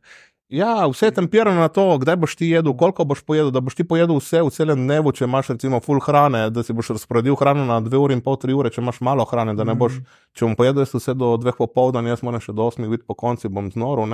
Mm. Vse ti moraš dobesedno pri bodybuildingu, ker ni samo trening, tle je še specifična hrana. Tudi profesionalni atleti, vem, da imajo hrano, tudi profesionalni vozniki MotoGP imajo, vem. Ampak je vseeno bolj sproščeno. Ne? Rosi, če pojedu sladoled pred tekmo, ni bil problem. Ne? Če ti mm. pojedu eno banico sladoleda pred tekmo, zna biti problem. Ne? In tle je pol tista razlika, ki igra psiha z zelo nizkim procentom maščobe ogromno vlogo in je zelo, zelo težko. Mm. Pa, prej si parkrat že omenil te substance, se pravi, anabolni steroidi in to. Zdaj vemo, da je pač profi brez tega zelo težko. Ne? Ampak, ko si Ma... prej omenil tudi, recimo, socialno mreže, so pa tu začela malo preveč širiti. Ja, sploh med mladimi se je. To je zdaj ratalo nekaj vsak dan. Ne, tudi takrat, ko sem začel tekmovati, recimo. Si šel ti na tekmo, takrat je Janes tekmoval, edini jaz v tem fitnessu, sportni fit, ne, od Lukca Filipiča v Stari Gorici. Um, smo bili praktično jaz in Janes edini, ki smo tekmovali. Ne? In oni so nam takrat še sponzorirali fitness, ne? ker se je to mm. dalo. Oni so nas spoštovali, ne Luka, sploh ni tekmoval še takrat, ne? si ga imel tudi v gostih. In uh, so vsi vsaka čas, da si upustiti na tekmo in tako naprej. Zdaj, ki je vsak drug tekmovalec, ti si rekel, recimo, ne moreš proboščiti. Ne? In posledično s tem, ko se je toliko razširilo, logično se je uporab, tudi uporaba vsega toliko razširila ker je spet vpliv teh socialnih medijev, vsi mislijo, da to je pač zdaj nič škodljivega, oni reče, da se počutim odlično, ki to jemljem in tako naprej. In jaz sem pa tudi jaz, ali pa oni, jaz sem zdaj full zrastel, ki sem to imel, jaz sem tudi to. Zgubilo je ta pomen, sam šport je ful, toliko, kar je napredoval, z večjimi tekmovalci in večjimi federacijami, toliko je tudi nazadoval v samem pomenu kvalitete in v samem pomenu, kaj je prenesel s tem mm. sabo. Zdaj tudi vsak drugi gre na tekmo, lahko nekaj jemlje, vsi večinoma nekaj jemljajo. Ma, kaj si ti zaradi tega pridobil, če se nisi držal, oziroma delo maksimalno, kar smo pa prej rekli, ne? ker nobena stvar ti ne bo pomagala. Ja, zdaj ta se pa na poku, zato je večji. Ti ne vidiš, koliko on trenira. No. On, on, ja, neka določena substanca mu dala moč, on zaradi tega lih tako trenira od odpovedi, kot ti treniraš brez regeneracije, ima. Ampak, tako, več mu lahko več treninga naredi, več volumna, ker ima boljšo regeneracijo, ima, on je še zmeraj utrujen, verjami. Pa mogoče je še teže, tega ima lahko večje nihanja polu razpoloženju in vsemu skupaj, prenese tudi minuse. Ne? Mm. Da ne govorimo, da moš ti kon kontrolirati konstantno pol tudi svoje zdravje, ne samo krvno sliko, tudi pritisk, tudi krvni sladkor in tako naprej. In...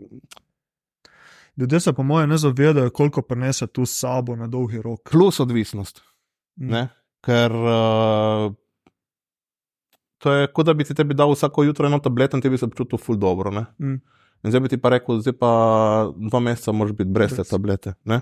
In zdaj, ja, kako je šlo naprej. Ne? Ker ti dobesedno, ko nekaj vzameš, ti se počutiš bolj močen, bolj samozavesten, večji tonus imaš, večji pump, večje kilaže. In to je vse plus. In kadar tega nimam, mi vse vzame. Ni nobene boljše stvari, ne? razen da se bo telo nekako spet moglo spraviti k sebi. Ne? In to je tudi velik problem, ne? pol ta odvisnost. Mm. In logično, da začnejo, pol, ker to je že toliko dostopno zdaj vsakemu, ne, na vsakem bogalu, Uh, da se jih lahko poslužuje že praktično vsak, ki je prišel včeraj v fitness. Ne. Jaz, kot sem rekel na začetku, jaz sem mislil, jemliš whey, jemliš karatin, nisem sploh mislil na kakšne anabolike ali karkoli. Ne. Zdaj pa je prva stvar, ki te vpraša, lahko pa na mestu že, ja, da bi kakšne tablete. Ne.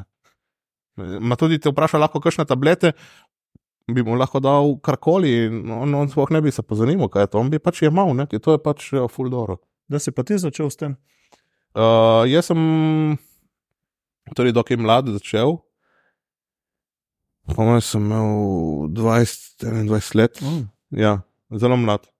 Zato so bili tudi dosti ima neko preskoki, oziroma v mojem počutju ta nihanja, ker ko greš, ko sem rekel, z vsega, pade dol motivacija, pade dol libido, pade vse. Ni, ni, ni Če si redno polešal dol.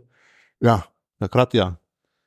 Um, ker tudi jaz praktično do ne rekel pred kratkim, ampak te PCT in to so znani šele, rekel, kratek čas. Ja, Takrat si imel PCT, ma ne, si imel neke HCG in tako naprej, ampak proti TRT variante in te stvari. Ne. To je prišlo tudi s temi socialnimi mediji, dosti več informacij. Kot sem rekel, takrat so bili forumi, na forumih se ni pisalo o teh mm. stvarih in tako. Ampak so bili popolnoma drugačni pristopi. Ne. Tudi od suplementov, da primer navadnih, Ja, ajke niso bile takrat, imel bi se ajke, če to ima kakšen okus, uh, watermelon ali orange. Suhe, ne? tisto kislo, uh, oziroma grenko. grenko. Ja, ma, jaz sem jih lih tako imel, ja, ker ja. me ni brigalo, jaz sem videl cilj, jaz sem vedel, jaz če bom to vzel, bom pač boljši in sem si dal na žlico, smo si mešali v vodo, smo pili med treningom. Ne? Boleroti so že bili, ma si kdo bo ja, samo okay. v šparu takrat in še to določene okusi, godni sadeži in uh, pomaranča samo v šparu so jih imeli in smo si mešali pač tisto. Ja, ja. Ali pa je bila CD-vita, si dal minimalno ja, na dieti, okay. ne, ampak hočem povedati, da ni bil pomemben okus, ni bila pomembna stvar, bil pomemben cilj. In to tudi zdaj oni vidijo, cilj, ma ne vejo, kaj to prenese s sabo. Mm. Ne? ne pozanimajo se. Ne? To, to, je, to je pol problem. Mm. Sploh spet podarjam pri ženskah. Ne? Ker uh, tudi se soočamo, recimo, zmeri več nekih neplodnosti in tako. Ne. Tukaj je v takem primeru pa lahko rečeš, da so raziskave pokazale, ne? ker je dobesedno narejena študija na ženske za točno določeno stvar. Recimo, da primer fizična moč, bo primerjali moške in ženske, logično bo moški močnejši, ne? brez kakšnih kolih predispozicij. Ali... In tle isto neplodnost, ne? za večino neplodnosti so krive lik ženske, pri moških se zmeri dalo pozdraviti, ne glede na kakšen način. Če mm. pogledaš, vsi mister Olimpijo, vsi imajo otroka, zdaj Kriz dubo otroka, ne? Koleman ima otroka, Arnold ima otroka, vsi imajo otroke, pa vsi so zlorabljali stvari, leto in leta. Ne? Um, Če je ženska neplodnost prav zaradi substanc, prevelik. Ne, da je to neposreden, uh, neposreden uh, faktor, zmeri tudi genetika, ampak je tudi to del tega, ne? je tudi to od libida in tako naprej. Ker tudi, če se ti ne vzpostavi nikoli več libidon, to, če se ti hormonsko ne raštelan, ne, ti hormoni ne funkcionirajo, začneš se rediti, voda ti začne vezati ščitnica in tako naprej. Ima vpliv tudi na dieta, dieta pa teže, sploh, ne. Ne. ko sem rekel, ki jih dajo na low carb, ne, ženska rabi nujno maščobe, reši odseki vse karbe in pusti maščobe, ker jih rabi nujno. Pač neznanje, ne. pol dodajamo še kakšne stvari, ki sploh ne bi smeli. in pride do neušečnosti, lahko dolgotrajni. Podobna stvar kot pri veganstvu, ki sem slišal največ od žensk, da so imeli bolj probleme z vzpostavitvijo spet sploh neke normale, normalne krvne slike. Mm s pomočjo zdravnikov, pol in vseh suplementov, in vsega, da jim je nekako uspelo, pa še to ne vsem. Ne. Ampak ne govorim spet za vse, nekomu veganska dieta ustreza, mm. nekaterim pač ne. ne. Ja, se največji problem, ker se prova dobiti, pač poslušuje se prehrano. Ja. Pač vse, vse bi mogli tako jesti, ampak ni tako. To pač, je isto, vse fitness je neposredno povezan ja. z dietetiko. Ne. To je isto, zdaj, ki sem spostavil vegansk, vegansko dieto, ketonska dieta, kjerkoli dieta, karnivor dieta, kjerkoli dieto izbereš. Mm. Zmeri se reče dieta z razlogom, ker je dieta, ker na čemu se ti odrečeš, na česa ti si prehranjen, ni. Se pravi, ni balansa, ne? Mm. pa ne bo to tudi sladkor. Uh, Leho včeraj po treningu jem koronflex in whey, ampak ti lahko to ješ. Ja, zakaj ne? Ja, koronflex, nek si kao fitnesser, neko ne, koronflex, jaz sem ga imel še naprej, pa sem ga imel do zadnjega dneva praktično. Ne, pa sem malo na, objasnil na hitro, da koronflex ni slaba stvar, ne, da tudi praktično cukor na žlico ni slaba stvar, odvisno v kakšni, do, v kakšni fazi, kontekstu, kontekstu kdaj vzameš. Ne, Logično ni zdravo, cukor na žlico, ne more biti nič dobrega, ne? boljši je nekaj hidratov v prahu, ne? ciklična dekstroza, malo dekstrin, ne? ampak na koncu koncev hidrat je hidrat, to, ki se pa spet vrnemo na mikronutriente, ki smo pregovorili, pa kako se bo to absorbiralo, kaj bo to naredilo z, z glukozo v telesu in tako naprej. Ne? Tle, tle so pol drugi, drugi faktori, mm. ki jih ne napišejo na deklaracijo od izdelka in tudi na internetu, naš dubolih pod vsakim člankom, še mogo sami izobraziti. Mm. Oziroma, si izprobaš lahko na koncu. Ja. Jemlji en, en mesec cukor po treningu, boš videl, kako se počutiš. Ja. Ali pa jemlji pol ciklično dekstrozo, oziroma to dekstrino, oziroma mm. je kornflex. Z, isto, z istim dajet planom od ostalih. Ja. Dam primer. Samo svet, evo, dobrega koča, plačam jih zato, ker jaz ne rabim tega poskušavati in se učiti na sebi stelati škode. On že ve, kaj mi bo naredilo, oziroma da to ni dobro in mi tega ne bo dal in mi bo dal dobro stvar. Pač so neke splošne smernice, so se pravi zmanjšati oziroma omejiti cukor, ne tiste, uh, se pravi rastlinski hol, junk food, industrijsko predelane hrane, tu vse, ampak od tam naprej pa je full individualizirano. Ja, tvoje to... genetike, pa starosti, pa spola, pa kdo. To, je, to je spet ta. Um, balans, spet ponavljam, je spet genetika, kot se reče, recimo sem Sjulek, ne, smo velike delo na bolku. Če bi to en normalen človek jedel, ne bi bilo lih. Ne, ma, on, njegova genetika, ki je ultra hard genetika. Ne poznam toliko. Ampak uh, to je ta nov YouTuber, ne? ni A, influencer. Sem, sem, ja, ja ok, ta vem, ker je. je ma ni slab, se zdaj začel, da je do, dokaj dobro na potke. Samo on ima to srečo, da je rojen z odlično genetiko Genesko, in ja. uh, on je pil čokoladno mleko, zdaj tak sem mu nečiril popse in tako, nekaj ni neki, da boš ti lih optimalno to za tvoje telo ne, ali pa za zdravje. Ma njemu pač on je rastel, neko kunorc, mm. ne, in zdaj na srečo toliko so pa že izobraženi mladi, da vejo, da temu ne bojo sledili in da to pač ni ja. najboljši način, ker tudi ti spit ne, en, eno galono, tam neko, ko ima mleka, notor dva litra mleka, ne, da to spijem jaz, ki na on jih dobro prenesel laktoze, ja, lahko zomem bolovanje za pet dni in samo na školki, ne. so spet take stvari, ki V tem primeru so ljudje razumeli, ker je bilo že toliko absurdno za pretiravano. Ja, se pač eh, socialna mreža, kot si prej rekel, so prinesla tudi nekaj dobrega. Ta izobraževanje, kontent. Recimo, že zdaj, recimo, dosti fitness, pač mladih hodi v fitness. Recimo, še jaz v svojih letih, ki sem bil tam teenager, 16-17 let, ni bilo teh informacij, sploh ne. Ne, je bilo dosti manj. Ja. Samo je pa tudi neka druga stvar. Je bilo dosti manj informacij, ima bilo pa tudi dosti, recimo, dosti manj, recimo, primer, suplementov. No, to tudi ne, recimo, in niti ni, nisi mogel ti podati toliko, ti si imel recimo whey, kratin, uh, eh, BCA-ke. Oziroma, glutamin, niso bili tako razširjeni. Tudi to, ne. Tudi pri nas, recimo, do pred kratkim, recimo, melatonina nisi dobil, se dobil samo v Italiji, recimo, ne, je, se napreduje tudi temu, tudi kar se tiče zdravja in zdravih suplementov in vsega. Zato pravim, so tudi zelo dobre in pozitivne stvari. Mm tudi ugotoviš za nek dodatek, recimo, ki ga prej nisi slišal od nekoga, ki lahko začel včeraj hoditi v fitness, tudi to mi je zgodilo. Mm. In sem se pozanimal, kaj to zdaj ima zanimivo, to bom pa probo. Ne? Zato, ker se nisem pač v to dajal, ker vem tiste osnove, ki so, kar jih rabim, kar ja, sem jih ja. porabljal, zdaj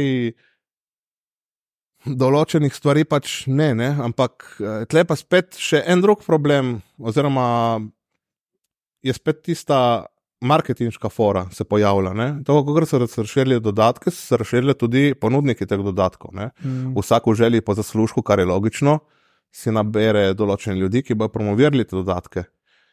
Te ljudje pa začnejo spet zavajati in to je spet zmotno. In to sem večkrat tudi izpostavil. Ne moreš ti reči, te proteini so pa najboljši. Ne? Praktično vemo, da vsi izhajajo nekaj iz Evrope, ok, v redu. Um, Ne glede na ceno, so te najboljši. Zakaj so najboljši? Ne razložiš, ne razložiš aminokislinske sestave, ne razložiš, koliko cukra se boje, ne razložiš ničesar. Recimo za AVP-jeve proteine, logično jih bom izpostavil zdaj. Zakaj? Prvo, prvo bo cena najboljša, konkurenčna, lahko preveri ljudje na, na, na spletu. Če uporabijo še kodo, ne, Tor 15, Kristina 15, kjerkoli kodo za 15% popusta na celoten nakup, brez stvari, ki so že znižene, bodo dobili najbolj konkurenčno ceno. Poglejte se stavo pol, ne? Primerjate ceno s katerim koli drugim ponudnikom in boste videli, če kje dobiš boljšo sestavo in boljšo ceno za isto stvar. Da sem izpostavil UV, lahko daš kratin, mm. lahko daš EAIK. Se pravi, ti ne moreš reči, ta UV je najboljši, ne? oziroma ta UV me pa edini, ki me ne napenja. Zaradi česa te ne napenja? A imaš izolat? Ne, nimaš. Se pravi, ne? edini, ki te lahko ne bi napenil, pač bi bil izolat. Še bolj absurdno, ta way ali pa ta stvar, edina, ki me ne napenja, te čokoladke so odlične, proteinske, naslednja slika, da čitmil. Mislim, kako veš, da te to ne napenja, a čitmil, čitmil te tudi ne napenja, ma ta whey te tudi ne napenja. Se pravi, te sploh niti navaden whey ne napenja. Če si pol jedel hamburger, ki tako vsebuje laktozo, ali tako tisti sir noter, pa da ne govorim, da je še desetkrat slabši, ker da je tako ne garbič sir noter, ki se mm. prebavlja sto let. In to je prišlo do tega, da vsake rahte neka oglasna tabla, ma kaj tista oglasna tabla ponuja, ponuja samo nekaj samo ti kupi to, ne? ni realno. Ja, ja. Kubi je to spremenil, ker poli spadeš totalno nekredibilen in je zelo napačno, kar ti podajes naprej. Ne rabiš reči, to je ta bujši. Rečeš, okus je odličen, cena je super, sestava je dobra, vam priporočam tega. Mm. Ma ne pa dajati nekih trditev, ki so. Pač absurdne, smešne so. Mm. Ja, se to je nasplošno problem s temi dodatki, nekaj rado v biznisu z tega. Ja, ker ti veš, okus lahko zmeri preferiraš nekaj, pa ne preferiraš. Logično, da če mi ta okus ne bo dober, bo rekel, je dober okus, ne? pa bom izpostavil drug okus, ki mi je res všeč. Ne? Mm. Ma, ne rabiš pa zavajati na tak način, veš, te so edini, ki me napenja, ti so najboljša kvaliteta, tudi če je cena dražja in to. Ja. Ni res, ker če ne spremira dve deklaraciji, deklaracije ja, ne more lagati. Večina ljudi pa ne bo šla, ker nima tega ne interesa, ne znanja. Ja, samo potem vidiš, koliko je človek uh, fake, koliko zavajen, kako mu je spolvarijo za karkoli naprej drugega. Ja. In zakaj? Ja. Za tistih, kaj si dobil, 5 evrov na koncu si dobil sploh. Zato si ti šel zdaj se izpostavljati in delati sramoto. Vse oni, ok, tisti, ki nimajo pojma, bojo nasedli. Ma oni, ki vemo, zakaj se je res, mislim, da je to klovon. Ja, oprosti. Ja, točno to je. Ja. Ja, pač se izobraziti glede tega, um, tudi pole zmerno pogledati zadnjo stran, se tudi pri navadni hrani. Ne, ja, to, Kao, ne vem, zdaj je, ok, na mesto navadnega mleka bom šel kupiti neko vseeno mleko, a ti tist, ne veš, da tisto vseeno mleko ima čisti čist, cukor. cukor to, ma, e, samo, tisto, ampak tisto je bolj zdravo, zaradi tega, ker tisto ni rastlinskega, ja, ker ni rastlinskega ja, izvora. Oziroma ni živalskega ja, izvora. Mis, ja, tako je, živalskega. In uh, lih to sem te pa hotel reči, le pa moram pohvaliti sploh mlajšo publiko, ker večinoma to za nas starejše, ki smo že sto let v tem, vemo, da najbolj leti ta podcast, mislim, da na, bolj na mlade ljudi, mm. ki čemu njim največ pomaga. Sem opazil, da se več ljudi slika te deklaracije, jih objavlja, let lepa tako, tako, tudi če je proteinski puding, ki sem mm. prej objavil. Še zmeraj boljši proteinski puding od ljubljanskih mlekarn, ja, puding, če je res dober ja. proteinski puding, ne, ne samo da je protein plus in pa pogledaš, ima 20 gramov cukra, noter in se da nam proteinu. Ma, še, so začeli spremljati deklaracije. Ma mi je pa zanimivo, zakaj ne spremljaš pol deklaracij na suplementih. Ne? Mm. Tudi, ne vem, uh, kreatin, navaden kreatin, eden z okusom. Ima na 5 gramov, lahko 4 grame, ja, je minimalna razlika, ima na celo kanto, ki je 500 gramov, je 100 gramov manj čistega kreatina. Ne? Ja, ima ta boljši, ki ima okus limone. Ja, ima kaj si ga mešaš, pol litra vode, da si ga pač na žličko in ga spim, boš ja. dobil več od tega. Ti gledi na proteine, ni rešeno. Ja. Itak, kreatin, itak, ja. ali piješ, čeprav načeloma ni, ni važno kdaj, ampak ne, če se gremo prav neke komplikacije, ali ga spiješ po treningu, med treningom se ga ne dajo, nima veze. Pač ni, poskušaš gledati na to, kaj ti to prinese ja. noter. Ja. Ne samo na to, da je ta pa okus limone, kaj ti manjka sokov, kupi bolero. Ne? E, kreatin je kreatin, kreatin mm. rabiš za kreatin, ti ni všeč piščančja prsa, ok, bom, bom jedel tuno, ne vem. Ja. Ampak nekaj, ne ujedo na mesto piščanca, e, ne vem, kračo, ne, svinsko. Ja, je dobra, je ful dobra, ja. samo kaj ima še noter, ne. Ja. Ima druge stvari, ki niso toliko dobre, ne, ja. v večjih količinah. Ja, tako da se strinjam, glede tega. Ja, pač. Itek se je treba če greš v to, se moraš tudi malo izobraziti. Sej večinoma se ljudje, ne svoh mladi, vidim, da se izobražajo glede tega. Sploh zaradi tega, ko smo preomenili, je več informacij. Cimo, lahko pregledam za sebe. Ne? Deset let nazaj, ko sem začel s tem, mi pojma nismo imeli tega, zaradi tega, ker se nisi vedel, kam obrniti. So bili ok, so bili blogi, so bili usmerjeni bolj unišno, se pravi, grom imel svoj blog. Manjkul nisi šel gledati, ker tisto si vedel, da ni za tebe, ker nisi bil bodybuilding. Ja, ni bilo tako splošno. Ne? Se, ja. to, se rekel, vse dobre stvari, samo šopajo tudi ful slabih stvari. In pol imajo ljudje ful zgrešeno eh, podobo o vsem skupaj in to je, to je, to je slabo. Ne? Pridejo s takimi idejami, pol ven in takimi izjavami oziroma pričakovanji, ki so nerealne. In to jim dosti krat pole škodi. Mm. Pa tudi zgubiš potencialnega lahko tekmovalca, ki je bil dober, pa tekmovalko, ja. zaradi tega, ker ni pol takih napredkov in takega uspeha, kot bi si ga želeli. Ne. Tako reče Greg, predstavljaj si svojo sansko idealno postavo in zdaj je na pol in to ne ti bo cilj. Ne. Ja, pač realno, bodi realen. Ne. Ker tudi prej, več, ki si jih omenil, recimo vsi proji morajo nekaj imati. Ne. Če bi mi vedeli, koliko dejansko. Malo jemljajo. Malo jemljajo, oziroma Koleman, če pogledaš, kaj še ne bil še, kadar je še Mister Univerzum zmagal in je bil natural. Mm. Je abnormalno, to je genetika, ultra hard. Ne? Ma ne samo to, tudi vedeti, da če nekdo hoče priti do prolevela, se pravi, ti ne moreš vsega možnega, ne? recimo GH. Večinoma jih začne mačele na prolevelu, ker če ti izkoristiš vse adute, da priješ sploh do prolevela, na proju se bo še leta pravo začelo, ne? tam bojo toliko večji, toliko boljši. In kaj boš pol naredil? Enkrat, ko si v pro, ok, imaš prokard, zdaj ja, zmanjka, več, ja. zma, nimaš več česa. Pa toliko povečaš doze, da rata že ne, ne pomaga, ker ni, tudi to ljudje mislijo, da so ja, doze tiste pomembne. Toliko, ne, ne, Trpi ja. tako zdravje cel čas, ampak pol še toliko več, ja, ma, tudi doze niso. Nekaj, če ja, si ti genetik, ti lahko imaš tako majhne doze in boš vseeno se odzival in rastel in vse, brez dodajati nekih trenov in ne vem kaj.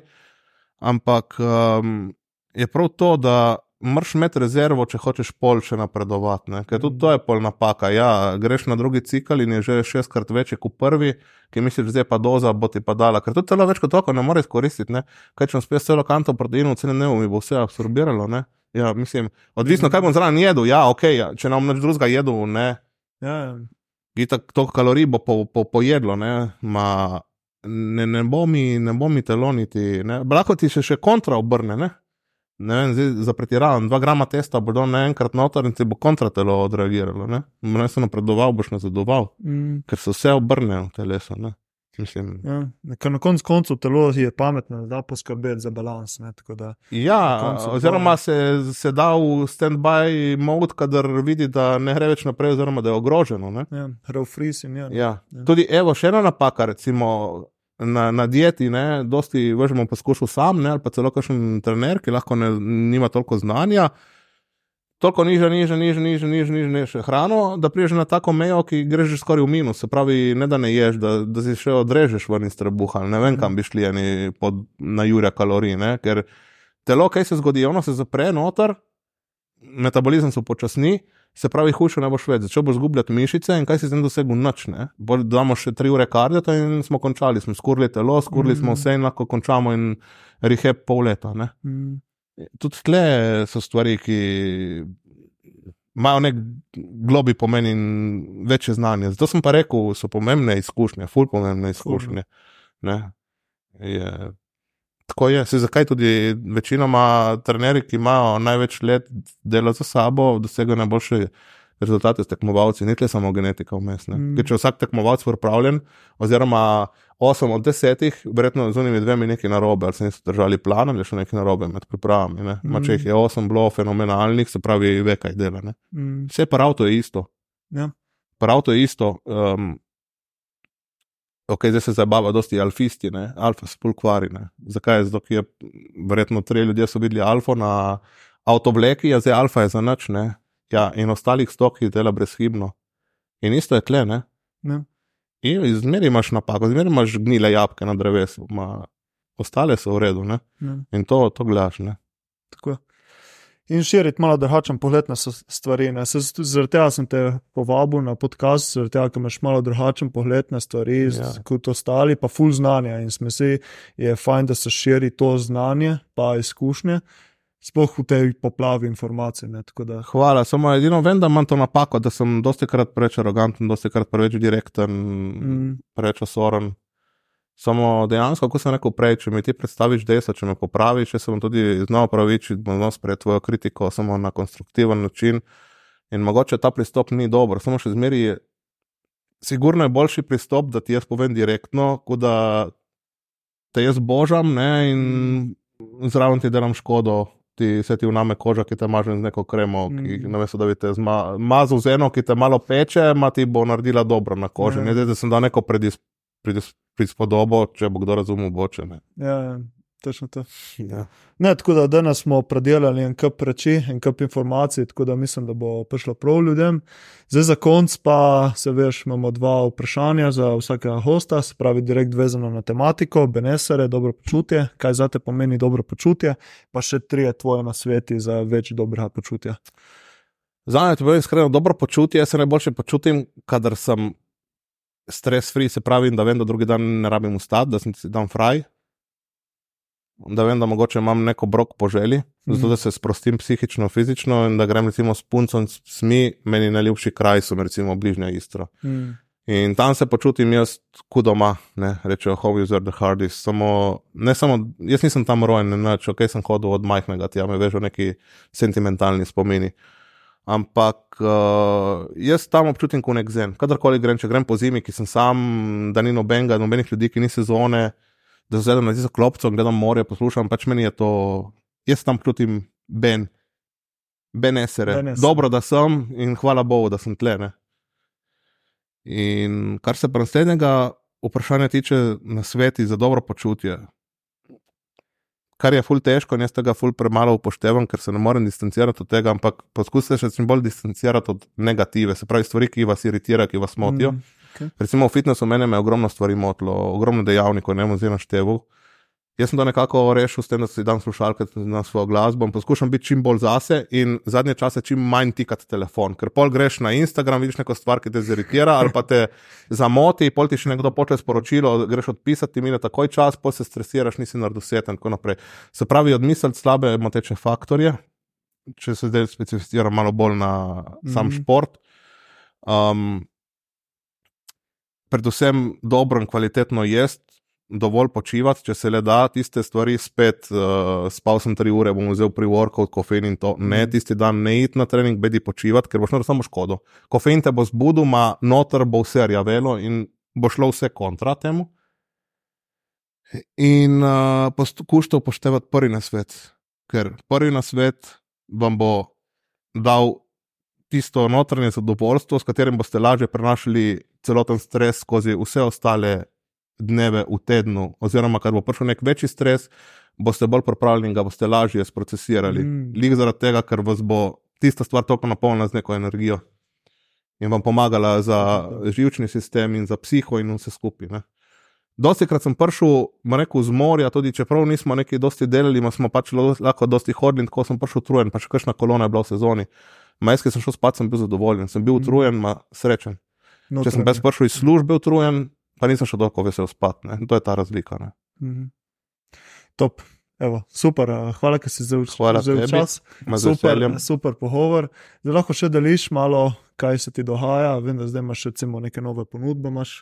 Uh, ja, zdaj smo praktično s punco začela. So se odločili, da sem že rekel, da je hotel že malo prej, pa sem se rekel, da počakamo, da gre ta tekma še moja mimo, ker so oba tekmovala. Uh, so se odločili, da bo tudi mi dva končno stopila skupaj v ta coaching svet. Um, Zdaj, prepričana sva, da imamo dovolj znanja. Tudi ona je že toliko časa temu, čeprav je ultragenetik, ne spet isto ena na deset milijonov, ni na ena na milijon, na deset milijonov. Mi ne hvalim zato, ker je moja, ker je pač, pogledajte, jo Kristina Zofirova je dejansko fenomen. Oba imamo ogromno izkušenj, tako iz powerliftinga, kot iz bodybuildinga, z različnimi dietami, z različnimi trenerji, različne pristope. Oba sva dokazala vrhunske forme, dobre rezultate in uh, sva prepričana, da lahko dosti ponudiva ljudem. Zdaj sva pa oba dva tudi full realna in uh, oba dva, če nekaj ne veva, se pozanimava, oziroma če nekaj nismo prepričana, poveva, kar dosti krat manjka mm. ljudem, priznati ne, svoje neznanje. Oziroma, tako da, če kdo zainteresiran, ne naj jo kontaktira. Mi dva se pa potrudimo, da mu sigurno ne bo žal, da bomo prenesli Tako najboljše ven iz njega, kar lahko. Tako. Jaz bom dal povezave v opis uh, epizode. Tako da tudi tvoj Instagram, tam si najbolj aktiven. Ja. Tako da tam te lahko spremljajo, pa poleg koda za ABP Sport. Ja. Je Tor 15. Tor 15, ne? oziroma Kristina 15, ker imamo oba dva isto praktično. Tako, tako da lahko tudi jaz nočem biti preveč uno marketer in tako, ampak tudi jaz delam tle, ampak od vseh proteinov, kar sem jih slišal, so ti od ABP-ja res še celo nekaj, če lahko pripomnim za konec, spet ne bom izpostavljal imen. Realno, um, zero kalori so make, proteini. Proteini moram povedati, da niso tako sladki, recimo, ampak so še zmeri zelo mlečen okus in z okusom, ki ne bi pisal na embalaži. Zakaj? Ker ni dodanih. Minimalno je dodano sladilo, oziroma arom, in tako naprej. Se pravi, tudi za vaše zdravje in prebavo, samo po sebi boljše. Se pravi, že z tega mhm. stališča bojo boljše prebavljivi. Ma so ljudje, ki so načevali od svidrovcev do proteinov, do zero kalorijev mak, ki sodelujejo z drugimi in so jih pohvalili. In so sami rekli, to so pa boljši kot to. Mojega to samo jih ne morem zreklamirati, ker logično ni fair do tvojega sponzorja in mm. ni nič narobe s tem. Ampak tako da imam potrditev tudi od ja, drugih ljudi. Zato sem ti izpostavil, da tudi jaz sem slišal en kup dobrih mnen in zaradi okusa in zaradi kvalitete. Tako da lahko provaste minus 15 na celoten nakup. In uh, to je to. Hvala še enkrat, Luka. Hvala tebi. Uh, super pogovor. Meni je bilo tudi lepo. In to je to. Ne? Upam, da ste uživali oziroma v pogovoru, da vam je bilo zanimivo, pa se vidimo v naslednji epizodi. Čau. Čau, čau. čau, čau. Uh -huh.